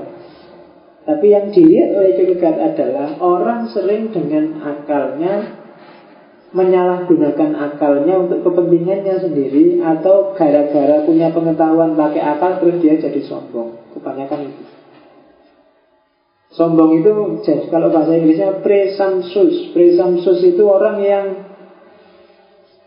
merasa sudah benar duluan. Mungkin agak identik dengan istilah a priori. A priori itu kan agak sombong. Pokoknya yang benar mesti ini sesuai kayak kelompok ini. Itu gara-gara pakai akalnya. Jadi kita setiap hari biasanya menyalahgunakan akal untuk kepentingan kita dan kita arogan dengan kebenaran yang kita yakini. Dan itu yang diserang oleh kita. Orang modern banyak yang kayak gini. Modern yang saintifik merasa bahwa saya lah kunci peradaban dunia. Tanpa saya dunia kan arogan. Profesor-profesor, orang yang punya ilmu itu biasanya cenderung arogan. Seolah-olah realitas itu sama persis kayak yang ada di pikirannya. Dan itu yang diserang oleh Kierkegaard. Apa iya sih kenyataan itu seperti itu? Apa iya sih pikirannya profesor itu mewakili apa yang dalam realitas? Apa iya begitu dan seterusnya? Itu di antara pikirannya Kierkegaard. Jadi kamu yang merasa elit intelektual mahasiswa kalau pakai teori yang kelima ini jangan sok nah, mentang mentang-mentang mahasiswa terus ono opo-opo. Wah, ini kalau dalam perspektifnya teori hermeneutik terus ngono. Kamu kayamu suka nasihati orang, suka merasa jadi orang besar kan biasanya gitu baru belajar filsafat di masjid tiap malam paling berapa kali kamu sudah kalau ada orang ngomong filsafat ah ini tidak eksistensial. Ini sudah semua kamu itu sudah mulai kelihatan kemelintinya. Padahal ya bu ngerti bunda kamu ngaji tiap malam itu tapi kamu sudah gaya sekarang sudah merasa bisa. Ah, itu sebenarnya dikritik oleh dekat makanya dia tidak suka pakai akal itu sering dipakai disalahgunakan dan jadi bahan arogansi Oke, itu Kierkegaard minggu depan kita akan ketemu dengan Nietzsche. Ini lawannya Kierkegaard. Kalau Nietzsche ateis. Mungkin nanti kita tutup dengan Sartre dan istrinya Simon de Beauvoir. Setelah itu kalau masih ada minat untuk eksistensialis, masih ada mood di sana, mungkin kita masuk Islam sebentar, Mungkin kita temui Iqbal atau Mula Sadra Yang sama-sama juga seorang eksistensialis. Oke, ada pertanyaan? Alhamdulillah tidak ada. Oh. Iya, silahkan. Monggo. Masih yang sana dulu. Tadi sudah bisa saya tapi saya belum mendapatkan gambaran tentang sebenarnya sumber daripada pengetahuan kemudian pilihan-pilihan dan eksistensialisme dari bagian orang itu itu. Apa? Oh ya, kenyataan hidupmu sehari-hari mas. Eksistensial itu berarti semua pengetahuan Sumbernya pengalamanmu. Pengalaman, makanya namanya pengalaman eksistensial. Makanya kebenaran apa pun yang ada di kepalamu Coba dipertanyakan lagi. Jangan-jangan sudah nggak relevan Yang selama ini kamu yakini. Tidak ada gunanya kamu numpuk pengetahuan di kepala Kayak yang di awal tadi. Kalau tidak eksisten, eksistensial itu tidak kamu hayati dalam realitas hidup sehari-hari. Maka sumber pertama pengetahuan Sebenarnya pengalaman hidupmu sendiri. Jangan mau didikte orang. Pengalamanmu itu otentik. Ya seperti tak bilang tadi Otentisitas setiap orang unik menghayati hidupnya sendiri-sendiri. Kenapa Kierkegaard sangat anti meletakkan nilai-nilai kelompok, nilai-nilai kebersamaan di atas nilai individu? Karena begitu kamu letakkan, kamu jadi nggak otentik, kamu nggak hidup sendiri. Orang lain yang ngatur kamu. Jadi sumber pengetahuannya ya kenyataan hidupmu sehari-hari. Kamu harus terlibat dalam hidupmu, jangan manut saja. Sumbernya di situ. Nah. Jadi realitas hidupmu, kenyataan hidupmu, sumbernya di situ. Isinya kayak gimana? Kamu sendiri yang tahu. Hayati sendiri hidupmu, dialektika hidupmu. Bahkan tentang Tuhan pun mungkin penghayatannya orang beda-beda Orang yang sering kena musibah mungkin merasa Wah Tuhan ini gimana sih Kok aku dicoba terus Yang dapat senang Wah Alhamdulillah Tuhan ternyata penyayang Selalu begitu Atau orangnya sama tapi beda-beda Kemarin waktu susah Tuhannya di Gimana sih Tuhan ini ya. Begitu seneng Wah Tuhan itu ternyata penyayang Beda-beda Itu namanya eksistensial. Biar aja orang itu otentik kok. Bergaul terus sama Tuhan Tidak apa-apa. Jangan mau didikte orang Kalau dikekekan Jangan mau disetir. Kamu nggak boleh bilang gitu loh. Tuhan itu harusnya gini. Loh kamu menghayatinya begitu kok. Kamu merasakannya begitu. Tidak apa-apa silahkan aja. Kadang-kadang banyak kebetulan Wah ternyata Tuhan itu sayang banget ya padaku, aku dikasih ini, dikasih itu. Kan ada temanmu yang usul, alat buktinya apa Tuhan sayang, apa cuma gitu aja. Kan ada yang gitu, lu ya biar aja. Oh dia menghayatinya begitu kok. Setiap orang itu unik, tidak apa-apa. Kan kadang-kadang ada kayak orang India itu loh, kalau lagi marah lari ke kuil, Tuhannya di mana mari Gimana Tuhan? Awas kalau pacarku tidak sembuh, aku tidak akan datang lagi ke sini. Kan Mesra itu kan sama Tuhan mesra. Kamu kan nggak berani sama Tuhan gitu-gitu ya sekali-sekali agak dulu. Gimana sih katanya mah penyayang katanya anu kok ah gitu loh. Sudah tak bilang masa bikin nilaiku aja nggak bisa kan gampang katanya mah kuasa gitu. Ah ngono loh akrab diajak ngobrol tiap hari biar dia involvement terlibat dalam hidupnya. Tidak apa-apa. Nanti semakin tinggi tingkat penghayatan keilmuanmu Biasanya semakin sudah Tidak gitu-gitu lagi Semakin nggak dangkal lagi. Sementara dangkal nggak apa-apa. Jalin dulu keakraban Ya kayak punya temen itu loh kan. Awal-awal masih formalitas Terus agak akrab Lama-lama sudah. Kalau sudah keren itu nggak terlalu kaku lagi sudah. Kalau yang masih kaku-kaku itu biasanya masih belum friend masih takut luar biasa kan. Kalau kamu sama dosen masih takut biasanya nggak sehat begitu akrab sama dosennya agak nyantai sudah santai nggak nggak terlalu kaku nggak ngamukan yang masih sering ngamukan itu sebenarnya menunjukkan dia belum akrab sama Tuhan. Kalau sama Tuhan sudah akrab itu nggak terlalu tertekan. Jadi beragama itu nikmat enak. Kalau yang tertekan tiap hari kan kamu sholat aja kan kalau tertekan nggak enak. Kamu masih sah nggak ya takbiratul ikhram aja ini sudah pas nggak? Harusnya di bawah telinga ini sudah ya wedi banget. Kamu ndak ndak enjoy, padahal nikmat sholat itu. Jadi nggak nikmat karena kamu takut ini bacaannya panjang pendeknya pas nggak ya ini ya, masih kaku masih formal. Berarti masih belum CS sama Tuhan. Oke, jadi pengalaman lah sumbernya, Mas. Kayaknya eh, dengan mulai tadi ini mulai dia kurang begitu konsisten dengan apa yang dia bicarakan. Mm-hmm. Dia membicarakan tentang eksistensi, ternyata ketika sudah uh, eksistensi di sana tidak mau kan dimiliki oleh orang lain. Mm-hmm. Ketika ada tingkatan religius, maka mm-hmm. dia uh, sampai bisa di, di, apa namanya dimiliki oleh Tuhan, yaitu pasal kepadanya. Kan berarti ini bukan bentuk dari eksistensi dirinya, tapi malah dibentuk oleh diri Tuhan gitu kan, dimiliki oleh Tuhan. Apakah ini masih konsisten dengan pernyataan diri tadi? Oke, jadi di level puncak yang namanya eksistensi religius, satu-satunya level yang kalau dalam istilah yang dikegat sendiri menyebut paradok. Kenapa paradok? Karena kamu berhadapan dengan sesuatu yang misterius, tidak kamu ketahui, tidak terjangkau, tapi dia sangat berkuasa. Beda ketika kamu berhadapan dengan manusia. Jadi satu-satunya modus untuk berhadapan dengan yang kayak gini makanya dalam bahasa agama disebut iman, disuruh percaya aja. Dan modus beriman kalau seperti ini kondisinya, kamu tidak jelas misterius yang kamu hadapi siapa, tapi dia menggentarkan karena dia menguasai segalanya, maka modus eksistensial paling tepat adalah pasrahkan dirimu. Beda ketika level etik Beda ketika level estetik. Kalau tidak kamu pasrahkan dirimu, kamu akan kehilangan dia.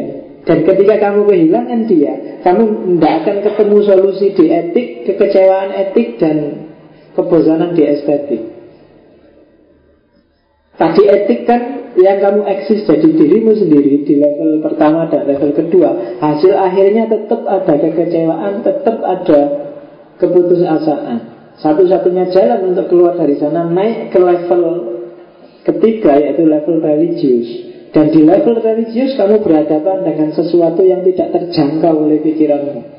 Yang tidak terjangkau oleh dirimu. Ketika tidak terjangkau dan itu misterius sementara dia sangat powerful menguasai semuanya, satu-satunya jalan adalah pasrah.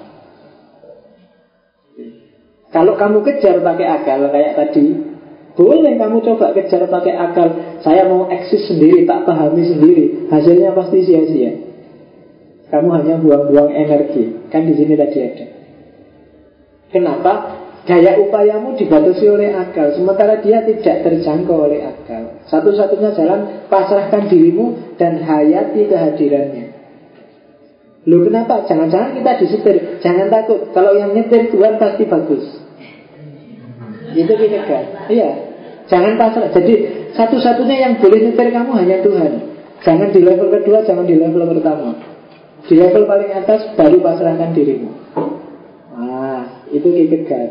Dan itu memang puncak pengalamannya ketika semua kekecewaan sudah dia rasakan. Jadi satu kalau dia pakai etik misalnya, saya harus sabar, saya harus menerima, saya harus maka dia tetap akan putus asa. Saudaranya tujuh meninggal semua. Ibunya meninggal. Dia stres jadi musuh masyarakat Dianggap kriminal, jadi preman. Guru besar yang paling dia ikuti meninggal. Bapaknya yang baru rukun sama dia meninggal juga. Pacarnya yang disayang-sayang putus dikawini orang tuh.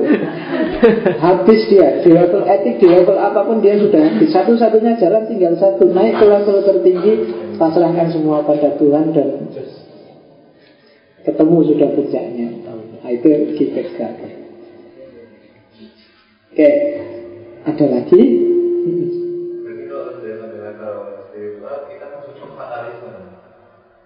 Iya, iya, jadi fatalis dalam arti bahwa secara eksistensial vertikal kamu fatalis, tapi secara horizontal kan enggak. Kamu kan masih berhadapan dengan manusia, masih masih berhadapan dengan manusia levelnya etik, kamu masih berhadapan dengan egomu, keinginanmu, itu levelnya kan estetik. Ketika kamu naik ke level lebih tinggi bukan berarti level bawahnya hilang kan? Ketika kamu setia sama pacarmu bukan berarti pacarmu nggak kamu gandeng kan?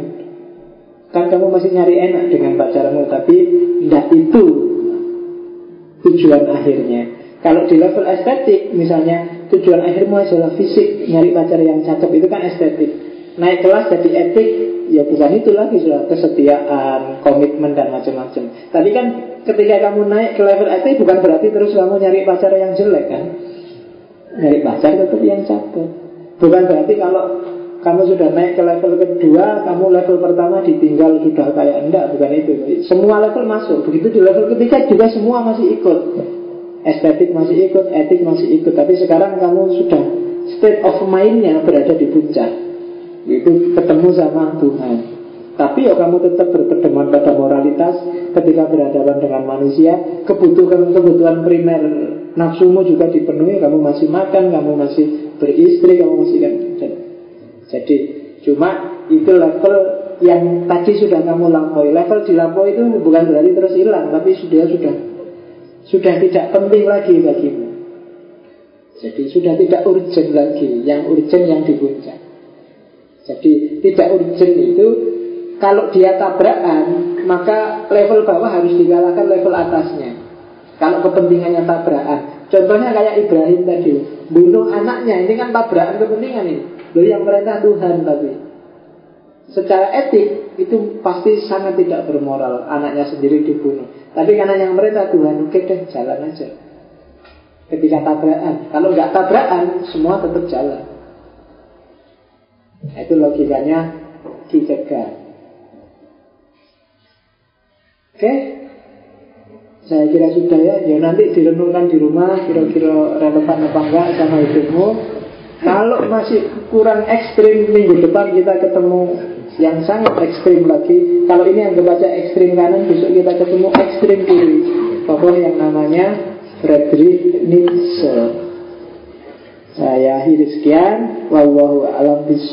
Wassalamualaikum warahmatullahi wabarakatuh.